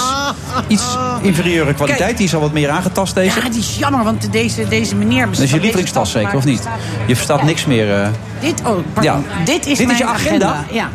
Nou, ik, ik, we hebben hier een webcam voor de mensen die willen inschrijven. Maar dit is een agenda waar gewoon helemaal geen wit stukje meer in te ontdekken is. Gewoon Nee, alles is mijn- vol. Dit zijn mijn weken. Alles is vol, Adelheid. Ja, dit Hoe zijn- heb je hier ooit godsnaam tijd voor kunnen maken? Dan dat had je ook niet, want je had om zes uur bij die mensen moeten zijn. maar is dit leuk, zo'n zo, zo'n agenda? Dit is bizar. Ja, dit is, mijn, dit is, dit is ja, heerlijk zo'n boekje. Maar ja, dat is wel waar. Ik ben wel eh, gewoon eigenlijk een soort van... eh, ik ben wel 18-urige... Maar is dit leuk? Is dit leuk? Is dit leuk om zo te leven? Helemaal vol gepland. Helemaal vol. Ja, je kan ook zeggen, het is een... Ik... Ik, laat ik zeggen, niet altijd, maar het komt... Ik vind het fascinerend om ook alles aan te gaan... Waar, waarvan ik eigenlijk van binnen denk, daar wil ik me van terugtrekken. Eh, dit vind ik, hier heb ik een huiver voor. Dit vind ik griezelig. Ja, maar dat kun je ook Eh, gedoseerd doen. Hè? Dat hoef je niet... Kijk, als ik dit ding nou in de fik steek, hè, wat gebeurt er dan met je? Raak je dan in paniek of denk je, nou, iedereen nee, weet wat ik moet doen? Dus, ja, eh, ja, ja, dan mis ik er een paar. Maar dan, dan heb ik zo weer... Ja? ja. Die heb je zo weer terug. Ja, ja, ja, dan dat bellen ze één keer, waar ben je nu? Maar je, je wilt een constante uitdaging aangaan Nou, dit- aan het onbekende. De, de- ja, dat, dat, dat is... Ja, prachtig. De hele Dit- dag door. Dit, nou, ik, ik word wel gedreven doordat ik denk, ik ben daar nog niet. Eh, ik, ik, wil, ik onderzoek wel wat het mens zijn in mij is. Ik, sorry, ik zit niet voor de microfoon. Nee, je was even aan het wegzakken. Ik, onder, Ja, nee, dat zag ik ook wel, maar... ik onderzoek... ehm, ja, je, Ik noem het wel eens in mezelf. eh, ik probeer me naar het centrum van het leven te vreten. Als een eh, dier die soms wel vuur achter zich heeft. Dus gedwongen wordt om naar voren te lopen. Omdat ik denk dat wij als mens heel snel wijken met allerlei argumenten. En dan eh, ja, eigenlijk door huiver iets niet doen wat we in ons hart wel zouden willen. Maar dan is de vraag, is er een centrum? Nou, laat ik meer zeggen, eh, voorwaarts ook door dat je. Anders kom je nooit door het oog van de naald. Anders kom je nooit in het oog van de orkaan. Anders kom je nooit in de volledige in aanraking met je volledige verlegenheid. Anders kom je nooit in de werkelijke ontmoeting met je vooroordeel. Anders ontmoet je nooit het hart van een vreemde en Maar, denk maar je. jij doet dat constant, maak ik hieruit op. Dat zie ik aan de agenda, dat hoort Ja. aan je verhalen. Is het dan nog een vorm waar je in zit? Of ga je dat ook echt bereiken? Of heb je die vorm gekozen om te doen alsof je het wil bereiken? Nou ja, of, er is nog een derde mogelijkheid. Is, het, is, het, is de weg het ding? Ja, het is het boeddhisme, hè? Altijd onderweg zijn. Dat is het idee. Nooit willen arriveren.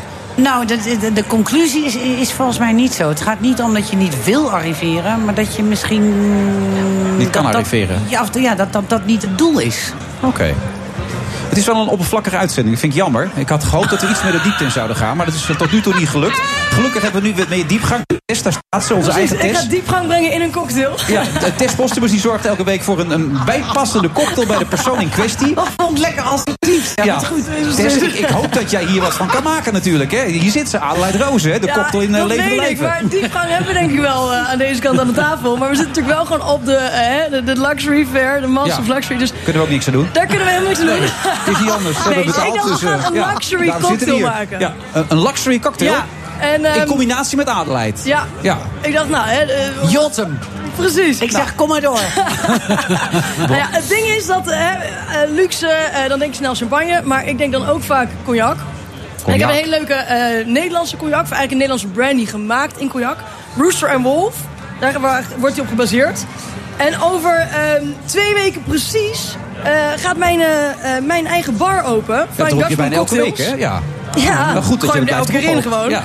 Maar daarom dacht ik van, ik, ik probeer altijd een Nederlands product te pakken als we zoiets doen. En eh, onze bar gaat focussen op klassieke drankjes. Je gooit bijna de hele fles erin. Ja joh, we gaan, eh, we gaan hard. Ja. het is ook een klassieke cocktail. Ja. En die zijn vaak iets heftiger.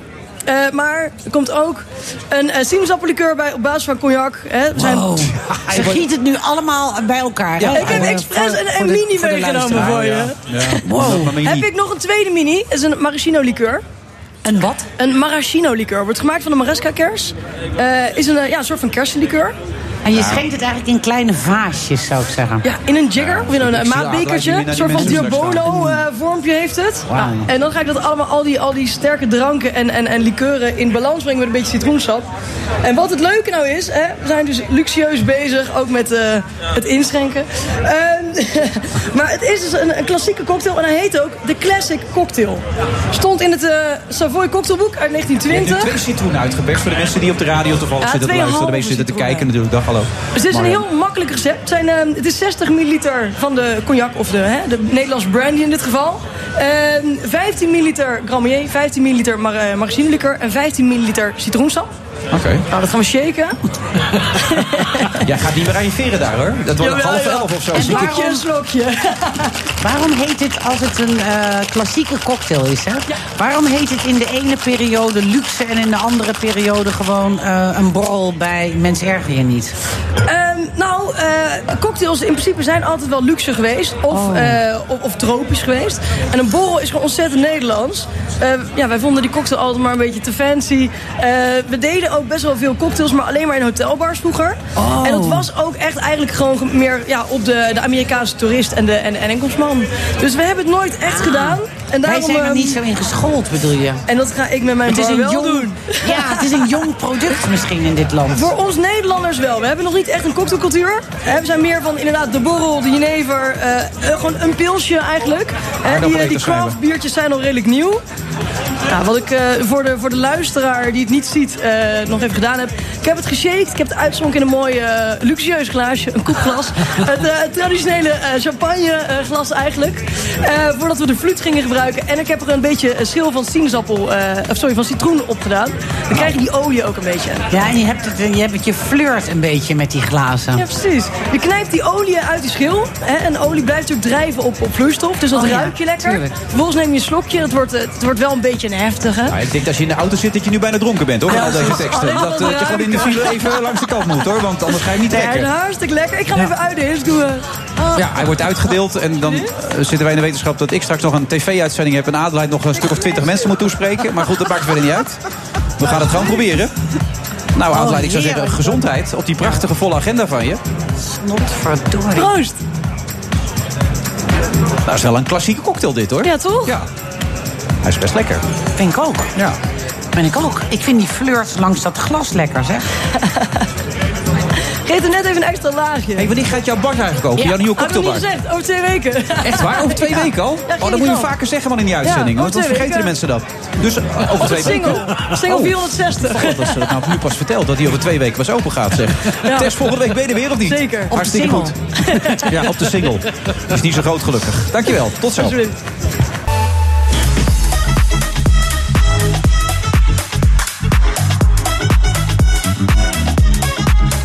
Naar de Friday Move altijd met dat eh, vakantieachtige muziekje van onze eigen DJ. Een beetje toei-gevoel krijg je er altijd bij. Had ik gezegd toei? Ja, dat, dat heb ik gewoon weer gezegd. En naast me zit nog steeds Adelheid Roosen. Hij tikt er wel in, hè, die, die, die cocktail. Als je die, eh, Zo. Zo, ik, hè? ik, doe het, eh, ik doe het kalman. Ja, je hebt er nog niet zoveel van gedronken. Maar je kan nog, want je mag tot half zeven door. Het gaat nooit om het werkelijk aanraken... of de overwinning op jezelf, zeg jij vaak in de media. Wat bedoel je daar precies mee eigenlijk? Vond ik een hele mooie zin. Ik snapte hem alleen niet helemaal.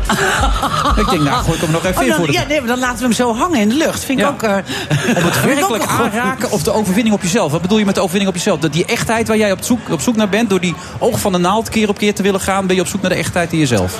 Nou ja, ik denk jij. Of ga ik nu weer te ver? Nee, je gaat. Nee, je bent, in, je bent stikfijn bezig, vind ik. Oh. Ik heb eigenlijk heel vaak een simpel kinderbeeld. Weet je, ik denk, we zijn met, met z'n allen op die planeet. nou, dan zijn we op de aarde.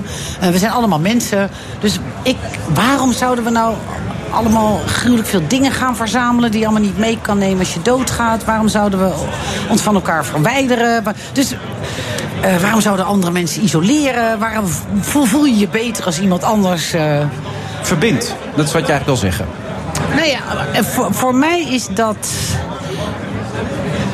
Ik zie eigenlijk de mens, dat is gruwelijk om te zeggen. Ik zie de mens eigenlijk heel vaak op zijn best in eh, grote nood. Zowel degene die in nood is, want die reikt intens naar je uit. En dan is die eigenlijk, hoe, nogmaals, hoe gruwelijk ook.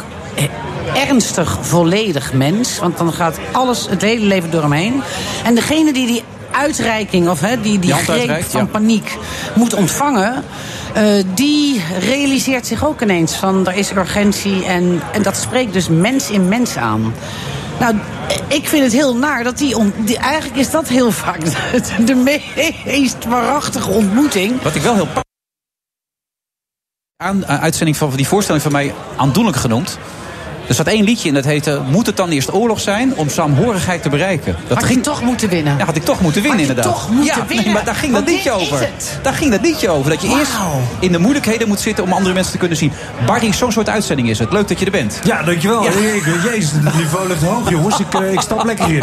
Heb nog geen van, drank op, dus... jij eh, komt van die Heeston stand af. De hersenstent daar Ja? op de mooie bedden. Ja, daar ben ik bezig. En heb je een bed geregeld voor jezelf, neem ik Ja, aan? natuurlijk. Ja, natuurlijk. Ja, dat En zijn je- heerlijke bedden. Jij dus, bent eh, nu ambassadeur Van Hestens, ja. Wat is dat precies? Wat betekent dat? Nou ja, dan moet je een beetje vertellen over de bedden. Ik ga zo meteen dat evenementje Nee. daar presenteren. Sta je er echt over die bedden te Ja, vertellen? nou, eh, Kun je dat voorstellen? De beste acteur van Nederland staat er gewoon over bedden te vertellen. Ja, maar het is, het is een heel fijn bed en het is een duurzaam bed. Dus eh, er valt wel wat goeds over te zeggen. Ik- God, ik, ik- mag ik- nu al mijn verkooppraatje doen. Ja, goed, je bent nu al bezig. Hestens, Hestens. Ja. Jeetje, Mina, je kan ook zo die auto verkopen die hier staat, of Ja, niet? maar ja, die wil ik niet hoor. Nee, nee, daar ben ik niet van. Die Oh, echt waar? Je, je, dit is serieus. Dit is serieus. grap? Nee, dit is serieus. Oh, jij, jij, jij bent echt van bedden? ja, ik ben een expert in bedden. Ik heb zoveel in bedden gelegen Nee, in mijn ik- carrière. sorry, nee, ik, was, ik was echt afgeleid door dit papier en de cocktail die een beetje was gaan overlopen. maar Maar hier zit ben ik- jij, heb jij een beddenfirma? Nee, jij is ambassadeur. Nee, je hebt een heel mooi eh, beddenmerk, dat heet Hestens. En dat is een eh, hele mooie kwaliteit bedden. En die, eh, die Hij gaat gewoon door, hè? Ja. Ja, nou ja, goed. Je, wil, je wilt het horen, toch? En eh, die, eh, die hebben fantastische bedden. Dus daar, ik ben voor het evenement daar bij Hestens. En daar, eh, Maar nogmaals, er ik de- staat de- gewoon de een van de beste acteurs, misschien wel de beste acteur van Nederland, die staat gewoon bedden te verkopen. Ik vind het heel bijzonder. Ja, maar niet zomaar bedden. hè. Dat echt goede bedden, hè? Hij gaat echt door het gaatje. Ja, ja, maar ja, Oh, je wil zeg. het horen. Maar zit, zit, daar, zit daar niet een grijs gebied, Barry? Ik weet niet, zit in jouw reclame voor de uitvaart een grijs gebied? Nee, bij de dood zat het bij mij niet. Maar daar Nee, was maar wel bij een lookie slapen, mee. ja, ja dat, het is allemaal wel... Ja, dat, het gaat, om, het gaat eigenlijk om de inhoud. Dus iets kunt, eh, kunt, je kunt En dat kan je met bedden. Ja, dan kan je met iets waar je heel goed in kan slapen. Kan Ja, ja. Wat ik wel tof vond van. eh, want dat. Ik heb het er natuurlijk regelmatig over, naar aanleiding eh, van de uitvaart en de dood. Eh, ik heb, en dat weet bijna niemand, dat is wel leuk om te vertellen. Ik vond het, ik heb, in, ik dacht eerst, nee, doe ik nooit, want ik kan mijn werk niet maken. En toen kwam de directeur van Jarden en die wilde mij echt, echt persoonlijk spreken. En toen zei ik als een, als een uiting van hè, nou, hoe wij werken, zei ik, nou, hoe lang duurt eh, eh, zo'n ding? Zei die, eh, Zo'n ding, zo'n commercial. zo- Zo'n commercial, Ja. Het was even het woord kwijt. Eh 40 seconden, 35 of 40 seconden. En toen zei ik, nou, als ik die secondes mag hebben... en ik mag die 40 seconden 100% hebben, zwart op wit... en het wordt mijn volgende werk. Echt als een werk. En ik mag die hele commercial textueel, inhoudelijk, beeld, alles erop en eraan, eigen filmcrew, helemaal hebben, dan overweeg ik het. Want dacht ik, dan ga ik 40 Maar uiteindelijk seconden- verkoop je wel iets, toch? Het is ook een commercieel ding. Er worden, er klanten nou- binnengehaald, nee, toch? maar nou- maar- je maar- zegt iets moois, maar tegelijkertijd worden ook klanten binnengehaald. Dat is ook een doel. ja, maar... maar eh, Anders wordt het niet uitgezonden. Maar ja, heeft wel een ja, maar, maar, maar, maar jij bent nu al handelaar geworden. En dat is waar voor mij een grens ligt, bijvoorbeeld, die ik net aan het uitleggen ben. Dus de, dus de, eh, de 40 seconden mogen hebben. Mhm. Wat nog nooit eerder in de eh, commercial wereld was gebeurd. Dus dat ik hem mocht hebben. Wow! Maar dat je dan de Lode Leeuw ermee wint, doet je dat dan wat? Nee, want dat is een, dat, dat is een vind ik een, een, een, een, als je, dat is een internet, dat vind ik ook een soort reclame. Dat is helemaal niet een... Nee, maar voel niet als... je wordt toch gewoon, ik bedoel, ik snap niet zo goed het onderscheid hoor. Want je, je, het is natuurlijk een kick om die 40 seconden te krijgen. En daar is ook van, ik mag Nou. mijn, mag mijn verhaal vertellen. Maar uiteindelijk is het doel is klanten binnenhalen voor dat product. Toch? Simpel als dat. Nou. het is heel mooi gedaan. Het is een heel interessant ding wat je hebt gemaakt. En het roept Maar interessante in zekere vragen zin op. werkt het toch altijd zo, Barry? Als jij een film speelt, hoop je toch ook dat er heel veel mensen Zeker, gaan nee, kijken? maar daarom zeg Ja, ik, ja. ik. Ik ben dus van, Ja. eh, ook als ik een film maak, wil ik zoveel mogelijk mensen erin trekken. Dus ga ik een Viva-interview, dus ga ik bij BNR zitten om een product te verkopen. Ja. De film. Eh, ja, dat, dat Nou, doe ik graag. maar je nee, maar er er zit een- komen. daar zit Omdat je een mooi verhaal te Ja. vertellen hebt. Ja. Ja, ja, ja, zeker. Nou, laat ik zeggen, ik heb daar wel een. Ik heb daar gewoon een. eh, ik ben niet zo zeker van mijn zaak als jij. Dus de, de, ik heb wel een. Zoals bijvoorbeeld die 40 seconden in eigen beheer nodig gehad. Anders had ik het niet gedaan. En ik ben nagegaan in het theater. Want we hebben zo'n klap gekregen van eh Zijlstra. In de kunst en cultuur. En die heeft gezegd: Oké, je moet naar het Amerikaanse beleid. Weet je, jullie moeten sponsors en mecenas. Je moet op een andere manier geld gaan werven. Dus ik dacht: fucking hell, man, wat moeilijk. Dus toen toen, en in deze periode kwam, ehm, kwam Jarden langs. Eh, en ik vond dat een hele mooie. Dat ik dacht, oh, ik kan dus een volgend werk maken. Het, het gaat over de dood. Mijn moeder had Alzheimer. Dus ik heb dat weet je, een verhaal kunnen inbrengen. Met alle culturen. Weet je, dus ik heb het echt wel. Maar, maar je bent je, aan het, je bent je aan het excuseren, maar dat hoeft toch helemaal niet? Nee, ik ben dat niet niet nodig. Nou, dat is ook helemaal niet. Nee, Nee. Ik, ik val niemand aan. Nee, hoor. Nee, nee, zou ik net zeggen, ik niet- dat doe je ook het is- gewoon Het is ja. vergelijkbaar met elkaar. dat is Nou, het nee, ik ben, ik ben me niet aan het excuseren. Ik ben die huiver aan het formuleren. Maar Maar waar je acteer je ook nog? Want het is wel heel belangrijk om even voor de duidelijkheid dat je niet alleen bedden staat te verkopen. Nee hoor, nee, dit is... eh, dit is, eh, dit is Ja, maar, ja, maar en dat dacht ik even. Ja, nee, maar het is niet was zo. de war. Want Clem, daar, is daar ben je weer mee Ja, bezig. daar ben ik, jij ging nu, toch aan- een daar ben film ik nu aan het draaien. Ik ben, eh, ik ben Clem aan het draaien. Clem 2 is dat, tweede seizoen. Ik heb net eh, een Engelse serie gedaan voor de BBC, vier maanden in Londen. Ja. The Split heet dat, over een advocatenkantoor. En ik heb Ja, een... oh, dat gaat wel door. Ja, dat heb ik net gedraaid. Oh, te ja. gek. Ja, dat is super. Dat is ontzettend leuk. Dat is een ongelooflijk leuke uitdaging. Ik heb een Duitse serie gedaan, Bad Banks, over de bankenwereld. Ja. Ik denk dat heel veel mensen die hier op de beurs rondlopen daar ook wel iets mee hebben. Met de bankenwereld. Dat denk ik ook wel, ja. En dat gaat over eh, de achterkant van die bank- bankenwereld. Een heel mooi verhaal over hoe het eigenlijk allemaal ook... eh, Maar wordt het niet tijd dat jij inderdaad het internationaal helemaal gaat veroveren? Amerika, ga! Ja, dat is zo'n loze kreet. Wat moet ik Nee, in godsnaam in goeie Amerika hamburger Ja, nou, een hele goeie. Daarom, Nee, hè? maar ik, ik, eh, nee, ik, ik, ik prijs me gelukkig met eh, zo'n BBC. Nee, maar ik zat me denken, van de week zat ik naar Los Angeles te kijken, die Bel Air wijk, waar al die al bekende acteurs wonen. Al die huizen staan in de fik. Ik denk, ja, die hebben wel zo'n huis, denk ik bij mezelf, bij elkaar geacteerd. En jij staat hier heesters te verkopen. Nee, maar als jij dat het heel zielig is. Nee, nee, maar ik wilde me aangeven, als jij in Amerika door zou breken, zou je Ja, het ook in Bel Air dat gaan is een wonen? soort loze term in Amerika doorbrengen. Ik wil mooie verhalen vertellen. Ik, Ja. ik verbind me graag aan mooie verhalen. Ik heb net Bankier van het Verzet gedraaid. Die komt 8 maart uit. Heel mooi verhaal over de gebroeders van Hal. Dat interesseert mij. Clem interesseert mij heel erg. Omdat Jacob en ik een hele leuke comedy, eh, thriller comedy maken. Over een nette, goede belastingman. En een hele heftige, toch ook familieman slechterik. En dat is een heel mooi verhaal. Maar ja, het verbinden Bad Banks over de bankenwereld vind ik heel interessant. Omdat het de achterkant van de bankenwereld laat zien. Dus ik verbind me graag aan mooie verhalen. En, of En wat nou- is dan het verhaal van het bed? Dat het een heel goed bed is, heb ik gehoord. Dat het een heel mooi bed is. Duurzaam, duurzaam het regisseren. gaat nu gebeuren, hè? Wat zeg je? Regisseren Ja, ik ga iets regisseren, ja. Ja. Ik ga Rotterdam I Love Ik ga toch nog een poging doen, weet je wel. Ja, nee, maar eh, dat, is een hele mooie film. En daar, eh, daar, dat is een heel mooi project. Het is, deze zomer zou het doorgaan, maar ging het niet door. Er was wat, waren wat problemen bij de, bij de productie. eh, dus dat werd uitgesteld naar volgend jaar. Dus dat Ja. heb ik volgend jaar gaan doen regisseren. Maar sta je de komende dagen hier ook nog of niet? Nee, alleen vandaag? alleen vandaag hier. Dus mensen kunnen nu nog komen als ze ja, heel snel twee, willen. twee uurtjes ben ik hier nog. Ja, oké, dus kom nu naar de Luxury Fair en dan staat hij er gewoon. Barry Jatsma in levende lijven. Op de foto, aanraken, alles kan, hè? Ja. Ik ga er zo dan mee even in... eh, ik ga er zo even mee in... Ik zou even Nou? komen liggen. In bed liggen, ja. ja, heel goed van je. Hij hakt er echt in bij uh, Adelheid. We gaan zo door met... eh, Nee, maar ik vind het... Nee, Nee, ik vind het, ik klaar. vind het zo Het is tof. afgelopen. Ze zijn ik het vind het, ik vind het zo Dankjewel, goed om Adelheid. juist allebei Tot zo. uit de theaterwereld... BNR Nieuwsradio. The Friday Move. And we've both committed that there should be no barriers, either north, south or east, west. Een wethouder met een integriteitsprobleem. Dat moet je niet willen. That Jerusalem is Israel's capital. Wilfred Genee. Het is de dag dat er een akkoord is over de brexit en de kosten voor de toenemende files de pan uitreizen. En ja, ze zitten nog steeds. Oh, ze zetten hem nu weg, de cocktail. Adelheid Rozen.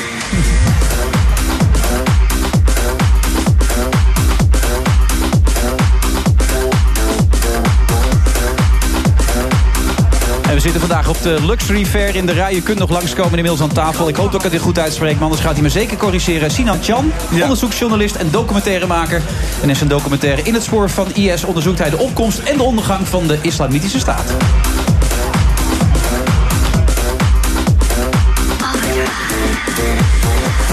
En het was zojuist een feest ter herkenning toen Adelheid en eh, Sinan elkaar zagen. Er gebeurde iets magisch bijna. Wat was dat precies?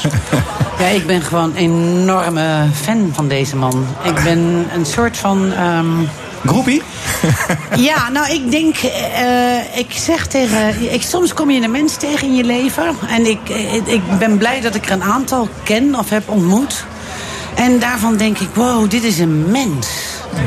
En ik vind Sinan zo'n mooi, bezield, eh, ferm, krachtig, kletsbaar. Ja, ik vind hem echt prachtig. Tot zover deze uitzending. Ja, We gaan verder naar het volgende Ja, onderwerp. ik kan wat moet je mee? Ja, nee, je moet ervan blozen, zoals Ik zie je het ziet. aan je, ja. En eh, nee, wij, wij houden van elkaar met Adelheid. Dus, eh, en we kennen elkaar ook al een, een tijdje. Dus. En ik hou ook heel erg van haar werk. Dus, en het is... ehm, ja, dan heb je een, echt een klik met elkaar. Waarom heb je zo'n foute trui eigenlijk aan? Nou, het is... eh, Omdat er een A op staat. Het is-? Oh ja, tuurlijk. nou, nee, het is, eh, vandaag is het eh, Paarse Vrijdag, zo wordt het genoemd. En als steun voor de LGBT-community eh, dragen mensen vandaag eh, paarse kleren. Dat zei je net ook tegen mij, maar dat heb ik even gemist. LLBT. LGBT, lesbi, homoseksuele, transgenders. Ik hoor dat wel, maar het hoort allemaal bij elkaar zo. Hoort dat, bij elkaar, ja. Dat begreep ik al niet helemaal. Ik hoorde Ja, ja. vandaag dat het allemaal belangrijk is en zo. Maar Toen noemde je net dat woord, dat had ik absoluut niet door. Maar daar kom je niet voor, hè? Nee. Je komt even om te vertellen dat de speler van Liverpool altijd verkeerd uitgesproken wordt. Ja, dus eh, Emre, Emre Can, die Ja. wordt eh, de hele tijd als Emre Kan uitgesproken. Ja. En een C spreek je in het Turks nooit uit als een K. Dat is gewoon eh, als een Can dus, mijn achternaam. Of met een sikkeltje onder een C, dan is het Can.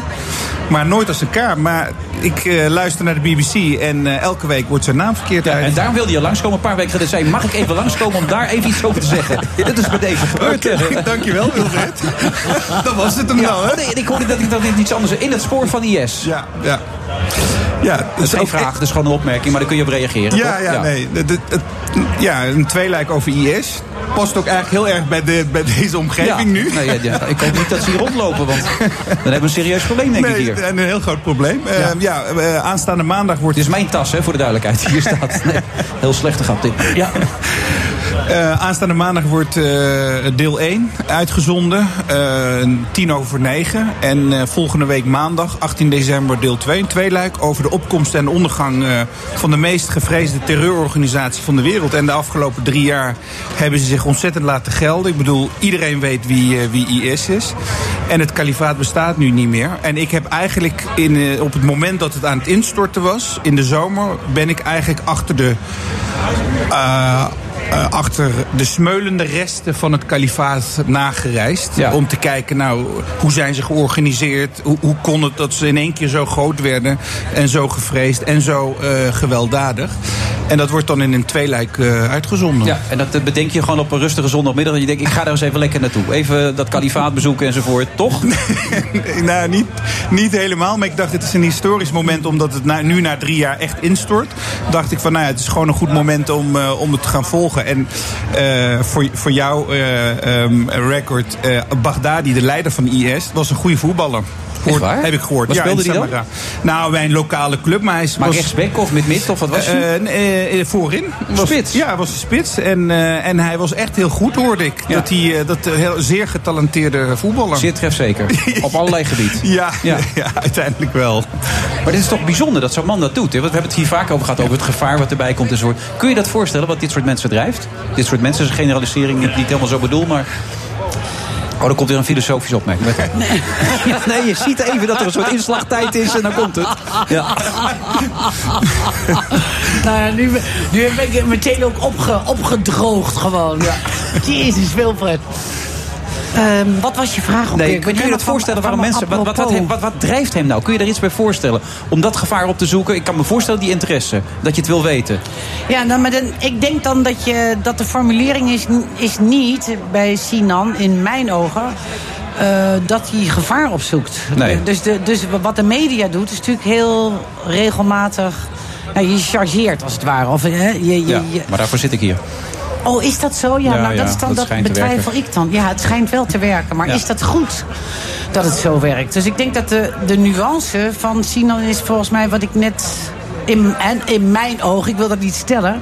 Maar is de, ik vond een van de mooiste dingen die Sinan zei in een interview... eh, ik ben geraakt. Ik zie, de, ik zie de oorlog, ik zie de doden, ik zie de gruwelen. Ik ben geraakt. En mijn, mijn hart wordt een wond. En de oh, ik moet bijna huilen. En de bedoeling is niet. Oh my god. de bedoeling is niet eh, dat ik mijn hart sluit. De bedoeling is dat ik mijn hart open hou eh, en deze dingen blijf waarnemen. En dat is de, dat is, dat is de, eigenlijk de grond van mijn journalistiek. Dat raakt je echt enorm, hè? Ja, dat raakt me echt. Mooi, hè? Ja, ja, heel mooi. Ik, ik, eh, Dat vind ik echt mooi. Dat, dat, Ja. dat je dat zo toe kan laten ook namelijk. Dus, nee, maar dat, dat, kan ik niet. Ik kan echt niet huilen namelijk. Ja, dus. ja. Maar wat, wat, wat Ja, kun jij dat ermee als je het hoort? Dat, dat is ook... Ja, dat, dat raakt me van Adelheid. Omdat ik, daar, daarom hou ik ook van haar. Omdat ze zo'n mooi emotioneel mens is. En het- ze zegt ook gewoon goed. Ik, kijk, ik, je kan een schild bouwen, maar dat lukt daar niet. Je komt echt op ellendige plekken met ellendige verhalen, Wilfred. En jij hebt kinderen. Je komt gewoon kinderen tegen die verkracht zijn. En eh, in eerste instantie denk je, hoor je, ze hebben buikpijn. Dus je denkt, nou, dat komt waarschijnlijk door voedsel en water. Maar dan eh, later, als je erin verdiept en hoort wat er allemaal is gebeurd... dan denk je, hoe kan het, dit soort kwaad... Ik bedoel, er is gewoon evil in de wereld... maar dat het onbegrensd is. Gewoon naar het gewetenloze toe... En waar je, je, ik kan het niet eens beschrijven. Ik bedoel, ik kan barbaar zeggen, slechtheid, georganiseerde slechtheid. Er is geen naam meer voor, zeg. Er is, het- ik kan er geen naam meer voor verzinnen, omdat ik, ik heb zoveel gehoord in de afgelopen drieënhalf week, dat ik dacht van ja, hoe zou je het een naam geven? Ik weet het eigenlijk niet. Maar, maar kun je er nog vanuit vrijheid er nog naar, naar kijken? Naar de mensen die daar verantwoordelijk voor zijn? Of denk je alleen maar uit woede en af, afkeer en, en, en gruwel? Ja, ik, ik snap als je, als je, dat als je daar woont, dat je vol van woede, eh, haat, frustratie, eh, wraakgevoelens zit. Als je hoort wat, wat ze allemaal hebben gedaan, van, van het kooien van mensen tot verkopen van vrouwen op markten, eh, kinderen. ik, ik sprak een, een, een, man die, in een, bij, bij Rakken en die moest elke keer als er iemand onthoofd werd, moest hij zijn zoon meenemen. Want zijn zoon, al die kinderen moesten kijken. En dat kindje vroeg dan elke keer, maar pap, gaan ze dit ook bij ons doen? En die vader die had bedacht om te zeggen dat het allemaal niet echt is. Dat het acteurs zijn, dat het nep is. Nou, ik moest aan La Vita Bella denken, die film. Hè, dat die man zijn zoon door, het, door de Tweede Wereldoorlog heen probeert te lopen. Oh ja. En deze Ja. man, en dit is dan gewoon echt. En dan zie je dat mannetje, ja, dat breek je. En ik denk, ja, als het mij raakt, dan gaat het de kijker ook raken. En, eh, en ik vind het heel belangrijk om vreugde van mensen te laten zien, maar ook het leed wat 5000 kilometer verderop gebeurt. Want hoe is het daar nu dan?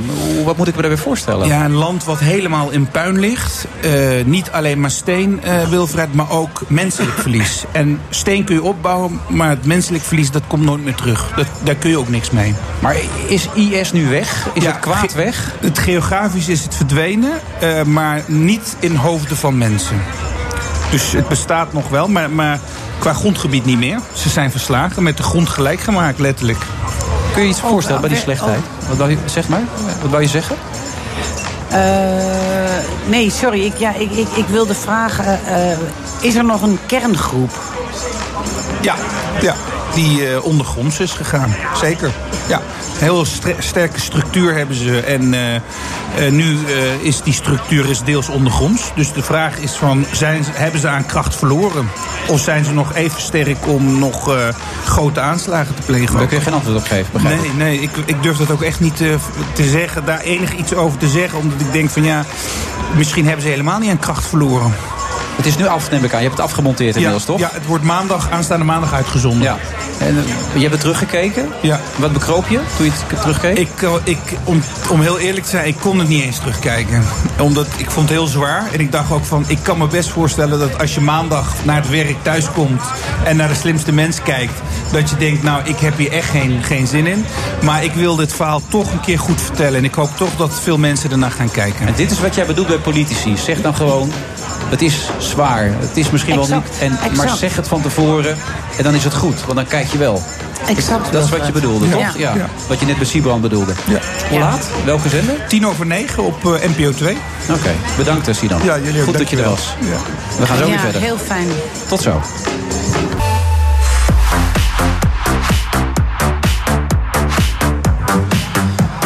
U eh, luistert naar de Friday Move vandaag 8 december. We zitten op de Luxury Fair in Amsterdam. Uh, Adelheid Rozen zit nog steeds naast me. Die ooit eens heeft gezegd... we spelen met z'n allen de hele dag volwassentje. Is dat zo? Spelen we met z'n allen dag? Eigenlijk zijn we nog steeds kinderen? Is dat wat je bedoelt? Nou, ik zou het willen, ja. Ik zou het willen dat we het iets zouden...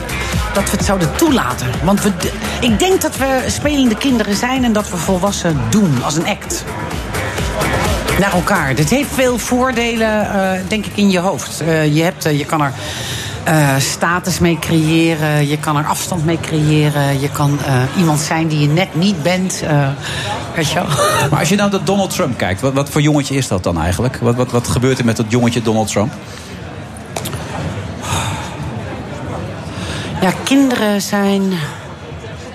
Ik denk dat het kind in de mens gewoon een. op een strand zit met een, met een emmertje en een, en een schep.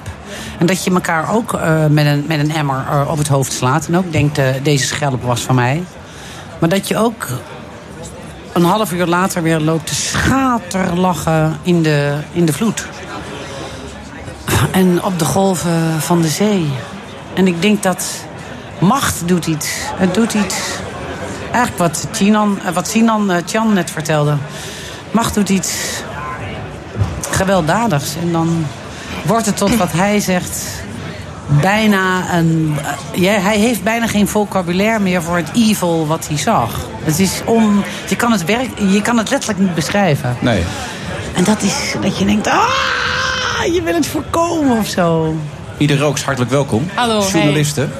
Goedenavond. Een jaar met Trump heb je geschreven. Ja? Je hebt de verkiezingen meegemaakt van dichtbij. Hoe zou jij het jongetje Donald Trump willen omschrijven?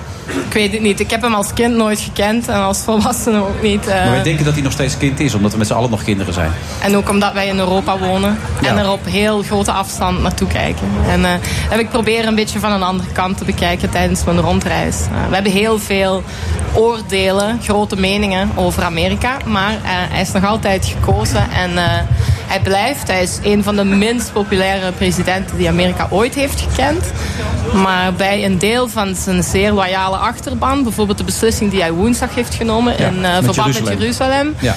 Dat, eh, dat is gewoon hartstikke scoren. En eh, ik vrees dat onze discussie over wat in het hoofd van de man omgaat en in welke mate hij een kind is, voor miljoenen kiezers er veel minder toe doet. Is het de silent majority waar je het over hebt, of niet? Ja, die is dus heel vocal geweest, hè? heel erg luid geweest. Als je bedenkt, evangelicals, eh, evangelische christenen, zijn 23% van het kiespubliek in Amerika. Tel daar de katholieken bij op, die waar ik zelf eh, van eh, versteld stond, dus ook nog eens eh 4, 25 procent heb je bijna een meerderheid van eh, de Amerikaanse bevolking. Dus wij hebben ons weer in Europa allemaal gezamenlijk afgevraagd waarom zegt hij over Jeruzalem wat hij zegt. Wel, ja, dat scoort natuurlijk heel goed bij donoren, ook gelddonoren van zijn campagne. Ja. Maar ook bij zijn achterban. Mensen die vinden dat het zo in de Bijbel staat en de Bijbel letterlijk interpreteren en zeggen daarin staat dat Jeruzalem de Maar hoofdstad we hadden eerder in deze uitzending de discussie met een Ja. andere Nederlandse politicus, Sibrand Buma. Of dat nou wordt gezegd omdat ze het menen of omdat ze weten dat het scoort. Hij zegt dus alleen maar dingen die scoren of zou hij het ook nog echt menen? Ik denk dat, eh, goh, hele moeilijke. Ehm, ik denk dat hij wat hij echt meent, ehm, dat zie je als hij spontaan begint te praten en onvoorbereid. Dat meent hij echt. Zoals na Charlottesville, de, de racistische uitspattingen daar. Toch één dode gevallen, fascisten tegen antifascisten, kunnen we wel zeggen. Neonazies, KKK, eh toortsen die daar branden. Toen hij toen reageerde en zei, ik zag aan beide kanten eh, mensen die zich niet netjes gedragen, gedroegen, maar ook eh, some good people. Eh, dat meent hij dan. Dan denk ik dat hij recht uit het hart praat. Ik denk ook dat hij echt gelooft dat ehm, jobs, jobs, jobs het enige is eh, wat Amerika vooruit brengt. Ik denk ook dat hij echt gelooft dat de grenzen dicht moeten. dat hij een isolationistische koers wil varen. Dat denk ik dat hij allemaal heel sterk gelooft, ja. Of hij nu altijd is bezig geweest met het feit dat Jeruzalem de hoofdstad van Israël moet worden genoemd. Ik denk niet dat hij daar twee jaar geleden eh, over peinsde. Nee. Ik denk dat dat heel erg eh, andere mensen in zijn entourage zijn, ja. Heeft het voor jou iets surrealistisch dat misschien wel nog steeds het belangrijkste land ter wereld wordt geleid door een man als Trump? Als je toch bezig bent met alle Ja. intermenselijke. Ja, dat heeft het zeker. Dus ik denk ook, ik, het, het is, ik ben niet zozeer bezig weet je, met stelling nemen of wat ik, wat ik vind of dat mijn mening of zo belangrijk is. Ik vind het leuk om te goochelen met. Dus in die zin zal ik maar zeggen, eh, eh, even tegen jou over het kind. Het is.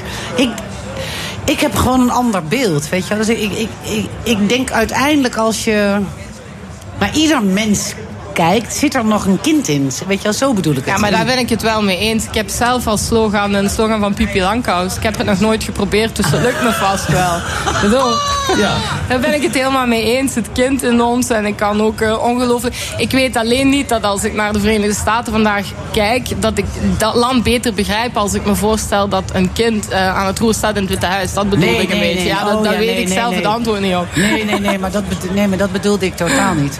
Nee, nee, dat bedoelde ik Maar totaal had ook voor jou kunnen zijn, toch? Die van Pippi Langkous.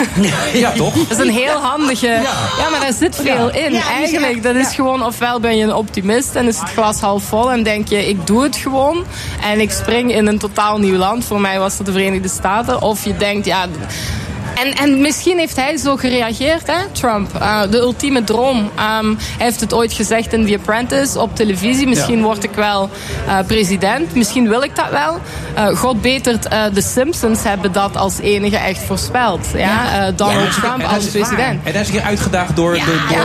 Obama. Hè, tijdens Wie, een, wie, weet, wie weet is hier toen eh, is hij zo op het idee gekomen. Het kan wel, ik kan niet in het hoofd van de man Ja, kijken. maar tijdens een correspondence dinner is Obama toch een keer heeft grappen daarover gemaakt, toch? Waardoor hij ook misschien misschien, dat zeggen ze ook wel eens, zo geïrriteerd geraakt is dat ik denk, nou ga ik het doen ook. Zoek Er het heeft er vast eentje spijt hè, op dit moment. Dat denk ik eh, absoluut inderdaad. Maar je hebt honderden Amerikanen ge- gesproken in het kader van dit boek, een jaar met Trump. Wat vinden die nou echt belangrijk dan, al die Amerikanen? Want daar gaat het uiteindelijk om. Ja, het is een ongelooflijk divers verhaal. Ehm, heel veel landen zitten in dat ene land. En eh, ja, die kloof, waarover al zoveel te doen is geweest, is ongelooflijk groot. Ik begon mijn reis in Californië. Wat die mensen daar vinden is, ja, zij staan op de, zij heel veel wat heel veel Europeanen ook vinden. Californië is erg progressief, erg milieubewust, erg Europees eigenlijk. Staan op de eerste rij om te supporteren voor eh, al wat in Europa gebeurt. En dan ga je naar Alabama. eh, Een ongelooflijk contrast. Dus een beetje moedwillig. Dat was dan het kind in mij. Zo van laten dus lekker clashen in mijn hoofd. Ehm, iets totaal anders. En dat was het absoluut wel. Maar wat mij opviel was de wereld daartussenin. Tussen die twee extremen. En die heb ik vooral gezien in voormalig heel erg democratische streken. De Appalachen. eh, arbeiders, eh, arbeidersstaten die, eh, waarvan de democraten dachten die zijn sowieso binnen. Ja, mooi niet. Dus hè, die zijn naar Trump gegaan. De onvrede die daar was, was veel groter dan zij dachten. Dat hebben Ja. ze nooit kunnen zien. Dus bijvoorbeeld het- in, in Californië voel je dan, als je, je vraagt me wat vindt men dan van Trump, daar is het verzet ongelooflijk groot. De Silicon Valley zelfs, de technologie-hub, begint politieke protesten te organiseren. Dat is iets wat we nooit hadden gezien. Die zijn bezig met innovatie en heel veel geld verdienen. Ehm, en eh, het is wel ge- gepast als ik zo... Ja, als je hier zit, inderdaad, ja. voel ik me wel een beetje in Silicon Valley. Ik vraag me af waar het geparfumeerde water staat. Ja. Dat je in de start-ups kan vinden. Bij die, Veel Bentley- bij die Bentley en rechtsaf en dan nog Lamborghinis. even- ja, ja. ja, Lamborghinis die opgepoetst worden. Ja, het voelt een beetje als Californië. En dan Alabama is heel evangelisch, heel doctrinair, pro-Trump. Kan je heel moeilijk een rationeel eh, gesprek voeren met die kiezers op basis van argumenten. Ja. Want dat zijn dus mensen die zeggen, het staat ook in de Bijbel dat eh, Jeruzalem met een muur beschermd moest worden. Dus op die manier moeten wij ook eh, de grens met Mexico met een muur En beschermen. vandaar Dus- ook, ja, vandaar ook je opmerking op je boek, Mijn reis door een angstig Amerika. ja, Er- heel er veel is angst, veel angst. ge- ge- gevoeld aan beide kanten eigenlijk. Of je nou voor of tegen hem hebt gestemd. eh, ja, er is heel veel ongerustheid, onrust over de toekomst, over het heden. Bij, ook bij mensen die voor hem hebben gekozen. Die zeiden, we zijn niet naïef, we zijn niet zo dom en ongeïnformeerd als Europa vaak denkt. Maar we zijn gewoon bang om nog veel meer te verliezen dan wat we al kwijt zijn. Heb jij kunnen, want dat, daar heb ik gewoon geen verstand van, hè? Eh, heb jij een idee in hoeverre hij nou een puppet on a string is en van alles via de, ik zal maar even zeggen, via de Twitter regeert en dat daar een, een denktank achter zit, wat natuurlijk meestal zo is. Ik- maar ik, heb ja, ik heb dat, al eerder eh, gehoord. nagevraagd of Ja, maar dat is, dat is natuurlijk dat is het, het, gro- het- de, de grote theorie. Ik zeg niet jouw theorie, theorie, maar veel mensen vrezen... is dat dan wordt hij eigenlijk door de Russen gestuurd. Of, of, ik denk dat eh, we wel kunnen vaststellen dat in, die, in het Witte Huis... dat er... eh, Integendeel zou ik zeggen net een eh, damage operation bezig is. Er, eh, hij krijgt heel veel tegenkanting in het Witte Huis. En er zijn daar ook krachten bezig. De traditionele Republikeinse partij die hem absoluut niet lust. Dus er is juist tegenwerking in plaats van hem in een andere... eh, In, in de richting te sturen die we nou zien. Ehm, de man werkt eh, of is eh, alleszins vaak wakker. Dus hij tweet heel veel s'nachts. Ik denk niet dat dat gestuurd is. Eh, ik, Nee. ik, ik, ik vraag me af met welk doel. Maar ik denk wel dat er heel veel ehm, operatie, be- operaties, beschadigingen in het Witte Huis ook wel... Ik weet niet wat dat was. eh, een, klonk eventjes een knap. Ja, dat was een aanslag. Maar we hebben het Ja, ja. overleefd. We zitten er nog. Een jaar met Trump. Dankjewel, Ine. Ine. Roos. Mijn reis door een angstig Amerika. Tot zo. BNR Nieuwsradio. The Friday Move. Dit had niet eh, zo mogen gebeuren. To move the American embassy to Jerusalem. And we've both committed that there should be no barriers either north, south or east, west. Het Deliveroo-model valt slecht. Wilfred Genee. Hoe gaat het met de PvdA? Wilco Boom weet het. De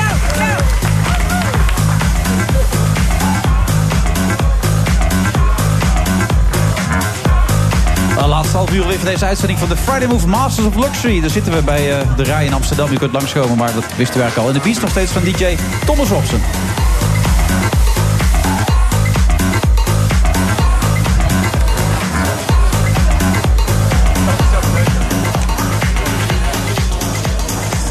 En naast me nog steeds Adelheid Roze. Adelheid, waar heb je eigenlijk op gestemd de laatste verkiezing? P van de A. Waarom? Een van de ben- laatste was je waarschijnlijk dan. Ja, ik ben P van Ja, omdat ik dacht. eh, Wow. Oh, ik vond het, ja, ik, ik was echt... Ik vond het heel erg. Ik vond het echt... Wat zei je? Jij, zit- jij noemde het een tragedie net. Wilco boven, inmiddels aangeschoven. Laten we samen met Laurens boven. Wil, een tragedie, Wilco? Ja, dat is wel het minste wat je ervan kunt zeggen. hè. Het was, Ze hadden 38 zetels. En van 38 naar 9. 27 eraf. De grootste nederlaag ooit in de Nederlandse politiek geleden. Ja, dat. Ik denk eigenlijk dat het enige dat erger is in de na naoorlogse politiek... was de moord op Fortuyn. Dus eh, ja, het is een tragedie. Dat is de beste Ja, dat- beschrijving. ja, ik- Tragedie, ja. Ja, ik ben echt eh, P van de GroenLinks stemmer. Dus dan doe je... eh, dat is een beetje lekker. Dat is een soort dans in je leven. Ja, je beweegt nu, dat ziet niemand. Maar Ja, en bij Ja. De, je, je denkt dan... Het is een soort wanhoopsdaad ook, hè? Ik dacht, het ik moet nu P van de stemmen. Uit medelijden dan. Nou, nee, eh, ehm, wanhoop.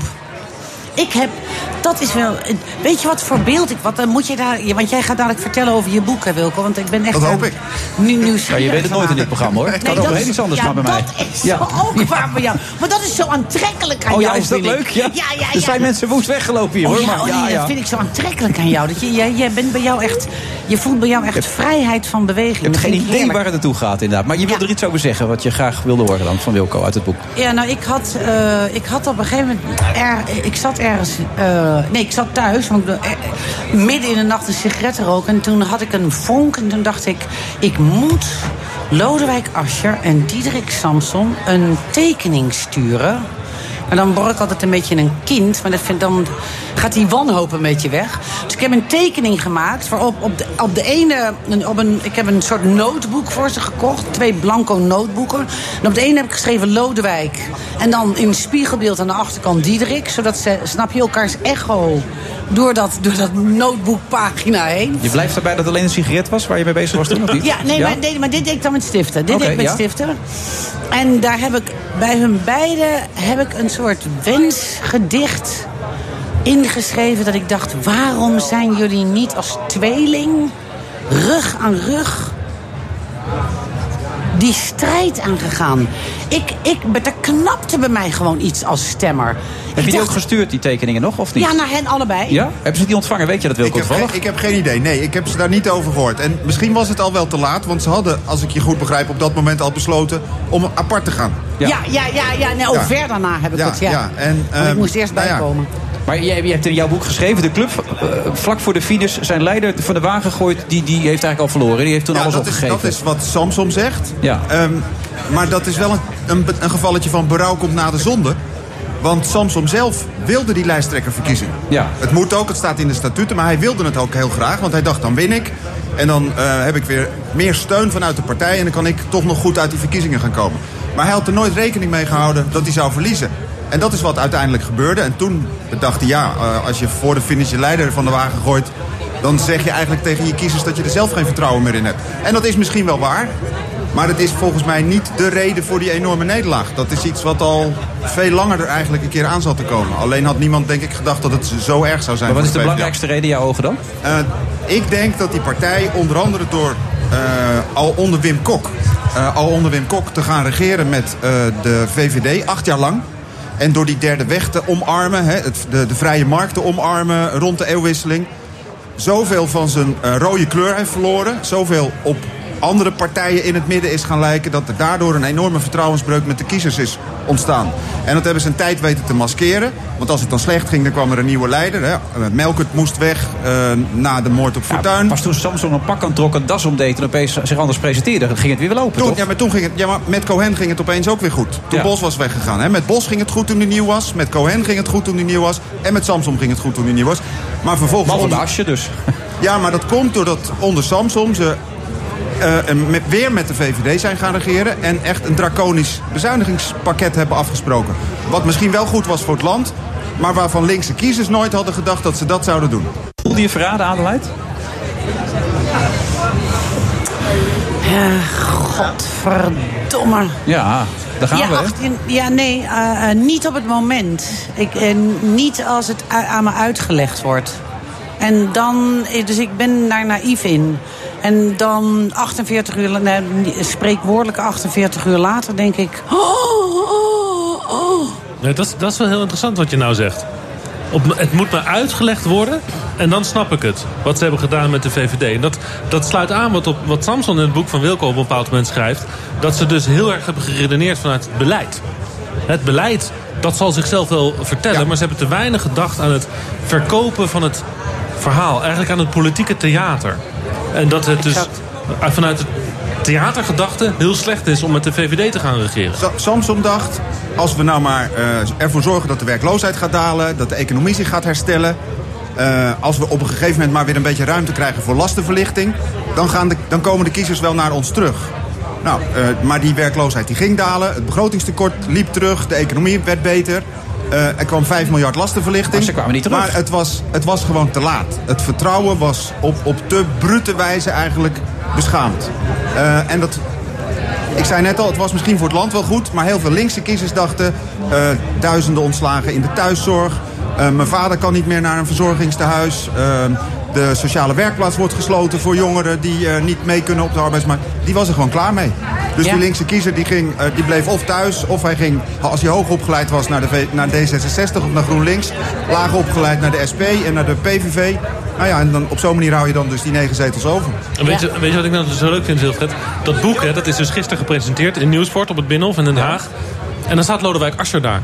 Om dat eerste exemplaar dus in ontvangst te nemen. Terwijl het dus zo'n boek is wat, wat gaat door de ziel van de, van de PvdA. Dit gaat over die nederlaag, over verlies, over vreselijke dingen. Over het einde van de sociaaldemocratie in Nederland. En dan staat Asscher daar uit, uit een soort van...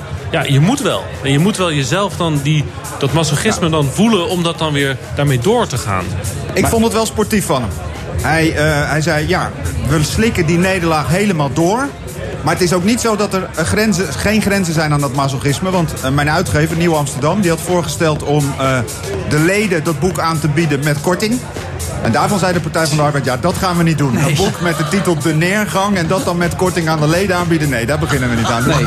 Dus Masochisme, maar tot een bepaalde hoogte. Tot een bepaalde maar Wilco, diepte, komt ja. dat ooit nog goed? Of, of denk je dat, Nou ja, het dat- te ver is gegaan? Kijk, het politieke midden in Nederland is totaal versnipperd. Hè? De, de grootste partij, de VVD, heeft 33 zetels. Vroeger was je groot als je 50 zetels had in de Nederlandse politiek. Ehm, de grootste op links, heeft, GroenLinks, heeft nu 14 zetels. Nou, ik denk dat de Partij van de Arbeid op, eh, onder, onder leiding van Lodewijk Asscher zeker moet terug kunnen komen op die 14 zetels. Maar ja, dan ben je misschien wel de grootste op links, maar dan ben je nog steeds niet echt een hele grote volkspartij, wat de PvdA natuurlijk ooit was. Dus ja, en of dat goedkomen is, ja, dat zal afhangen van andere partijen. Als iedereen zo tussen de 15 en 20 zetels zit, is 15 best goed. Maar als de grootste 33, 35, ja, dan is het niet goed. Nee, mocht, mocht, mocht Adelheid in die enorm volle agenda van haar ooit een gaatje vinden om het boek te lezen, moet ze dat doen of niet? Of Ja, wat mij betreft wel. huilend, eh, Het leest als een speer. Met een Al sigaret zeg ik het zelf. handen een nieuwe tekening maken. Wat denk jij? Ja? Eh, misschien wel. Misschien wel twee voor Lodewijk dat. Ja. Ik heb, ik heb, nee, ik heb voor Diederik en voor Lodewijk allebei een tekening Nog een gemaakt. reactie gehad eigenlijk op die tekening. Ja. En? Eh, ik vond ze eigenlijk allebei lief. Oh. Vond het lieve reacties. Wat, wat schrijven ze dan? Ja, dat vind ik dan weer een beetje... ik, eh, dat vind ik dan weer niet gepast of zo, om te zeggen. Maar het was vanuit het hart. Het was echt. Het was niet als een politicus. Daar gaat nee, het om. het was niet als een politie. Het was als een mens. Humaan. Ja, ja het, het was... Nou, het is... Ik, nou, laat ik zeggen, ik, ik had zo'n... eh, maar dat zei, dat zei ik straks tegen, eh, tegen Buma ook. Ik heb als kiezer zo'n behoefte dat, het, dat, je, dat je een rollenbollende eh, maar tweeling ziet. Snap je? Dat het twee broers blijven. Dat je denkt, ik wil geleid worden. Twee, te- en ja, broers hebben ruzie. Maar als je, ja, als je gaat scheiden, jezus, dan... dan De neergang van de PvdA. Ja, Wilco pijn, toch? In de betere boekwinkel. Tot zo. Dankjewel.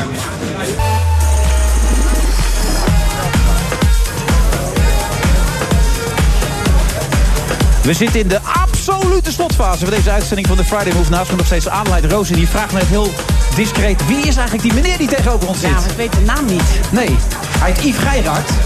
En hij, Yves Geiraat heet hij. We, we, hebben, we hebben net nog even met elkaar ja, gesproken. ja, ik, ja, absoluut. Ja, maar ze vroeg zich af wat jij Je had deed. het over vroeger, maar ik wist het niet meer. Nee, ik vroeg over de, over de oud en nieuwjaar. Ik zei, um, eh Of onze Wim- Wim generatie, Sonneveld weet had je het over. Was nou Toon Hermans en Wim Kan en Wim Son... deden die nou alle drie toen wij kind waren... oudejaarsconferences. Dat was ik gewoon kwijt. En Seth Geikema deed het ook wel eens. Zet ook, ja. Ja, Seth. Weet je dat nog, Zet Geikema? Oh, verdomd, die vergat ik. Ja. Yves, wat doe je hier precies eigenlijk dan? Ja, Voor de ik kom even bij jou om je te feliciteren. Nee, maar wat is jouw rol hier precies? Hoe zou je dat kunnen omschrijven? Eh manusje van alles. Nou, dan gaat wat ver, hè? Ja, nee, maar echt. Je bent toch de grote baas, hè? Altijd. Jawel, maar kijk, eh, het is een enorme operatie om... eh, Moet je weer ergens zijn? Het haar je- op de telefoon ben te kijken. Nee, ze zat even op haar... Ze, was, ze kwam net achter dat ze ergens moest zijn namelijk. Nee, maar het is wel eh, een hele terechte vraag. Dus alles regelen van tevoren. eh 40.000 meter, alle standhouders. eh, indelingen maken. Entertainment, culinair, invulling.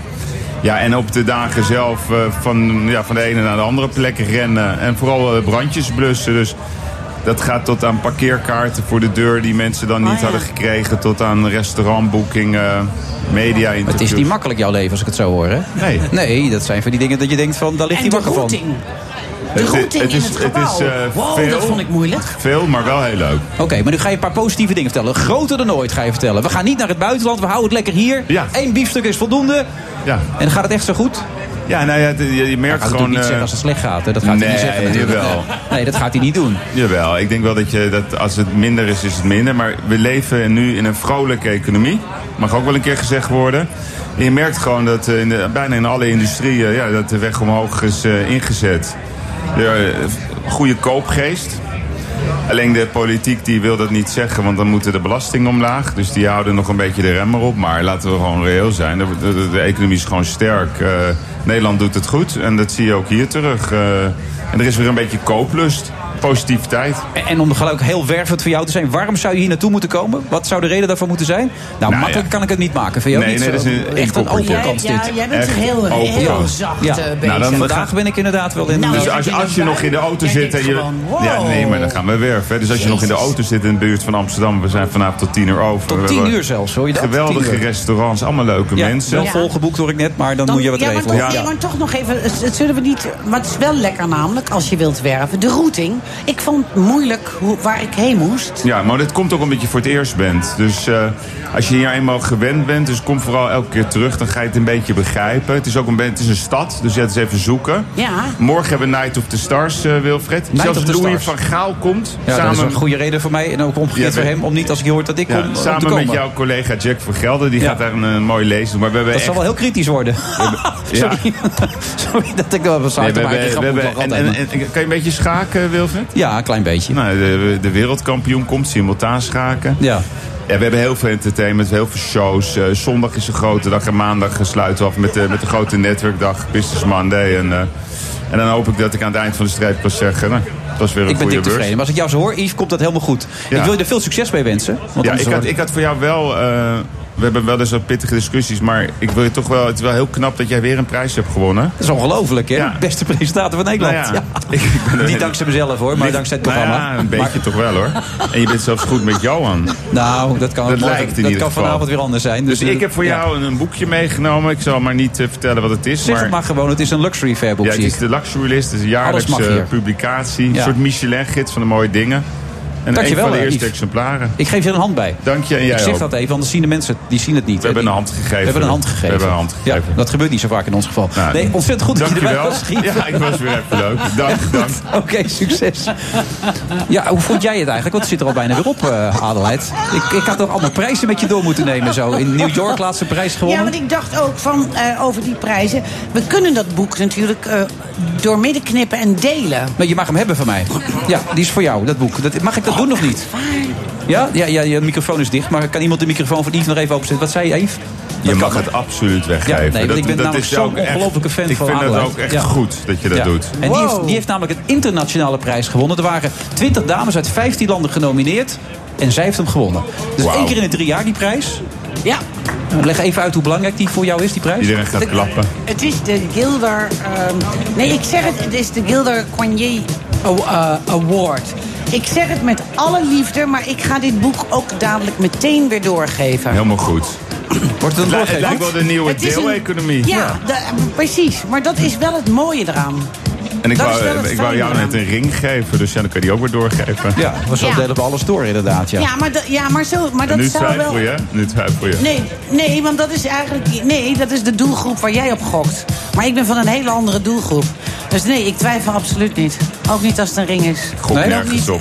Oh, nou, je zei je twijfelt, je twijfelt. Nee, ik twijfel niet. Maar over over ring gesproken, jij moet binnenkort gaan samenwonen. Hè? Als je binnenkort 60 wordt, had je met je Titus afgesproken... dat je als hij 70, jij 60, samenwonen... Dan Ongeveer, ja, ongeveer daar. Gaat dat gebeuren of niet?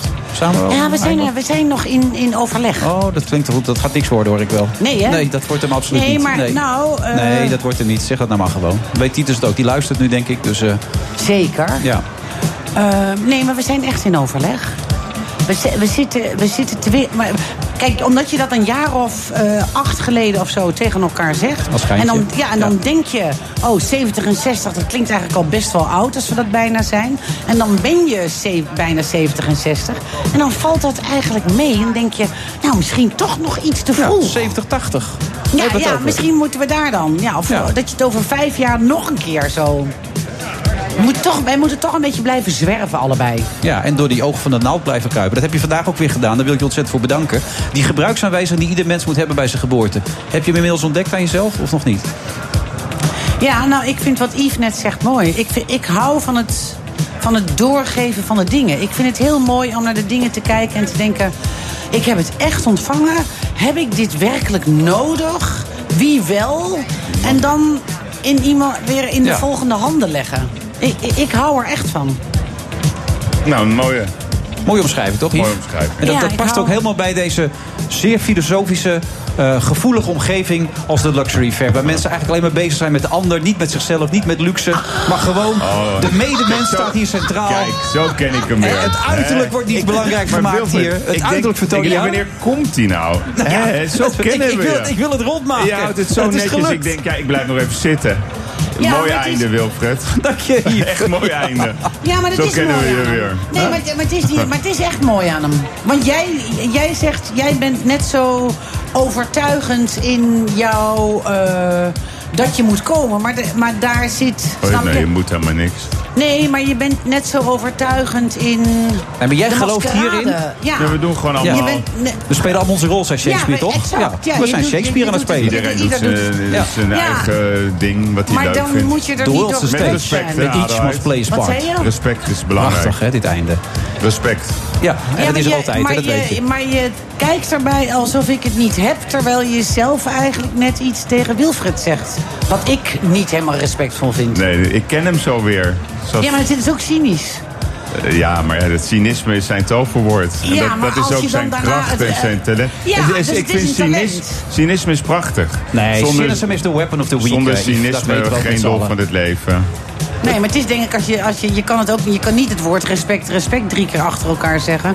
En dan Oh, het denken wordt- dat het komt. het wordt, het Volgende week ben ik er niet bij. Heerlijk. Echt niet? Nee, dan zit volgens mij Roelof Hemme op mijn plaats. Ergens in Oostenrijk met een heleboel snaps achter de kiezen waarschijnlijk. Deze uitzending te presenteren. Maar die week daarna ben ik er nog een keertje. Ik vond het ontzettend leuk, eh, Adelheid. Ik ben nog lang niet klaar eigenlijk met je. Maar Nee, ik ben ook hier, dat zei ik je al, hè. Ik ben, ik ben de rij binnengelopen en ik was echt op zoek naar jou. nou, het was fijn. Bedankt Ja. daarvoor. Tot de volgende keer. Dank Dag. Jou.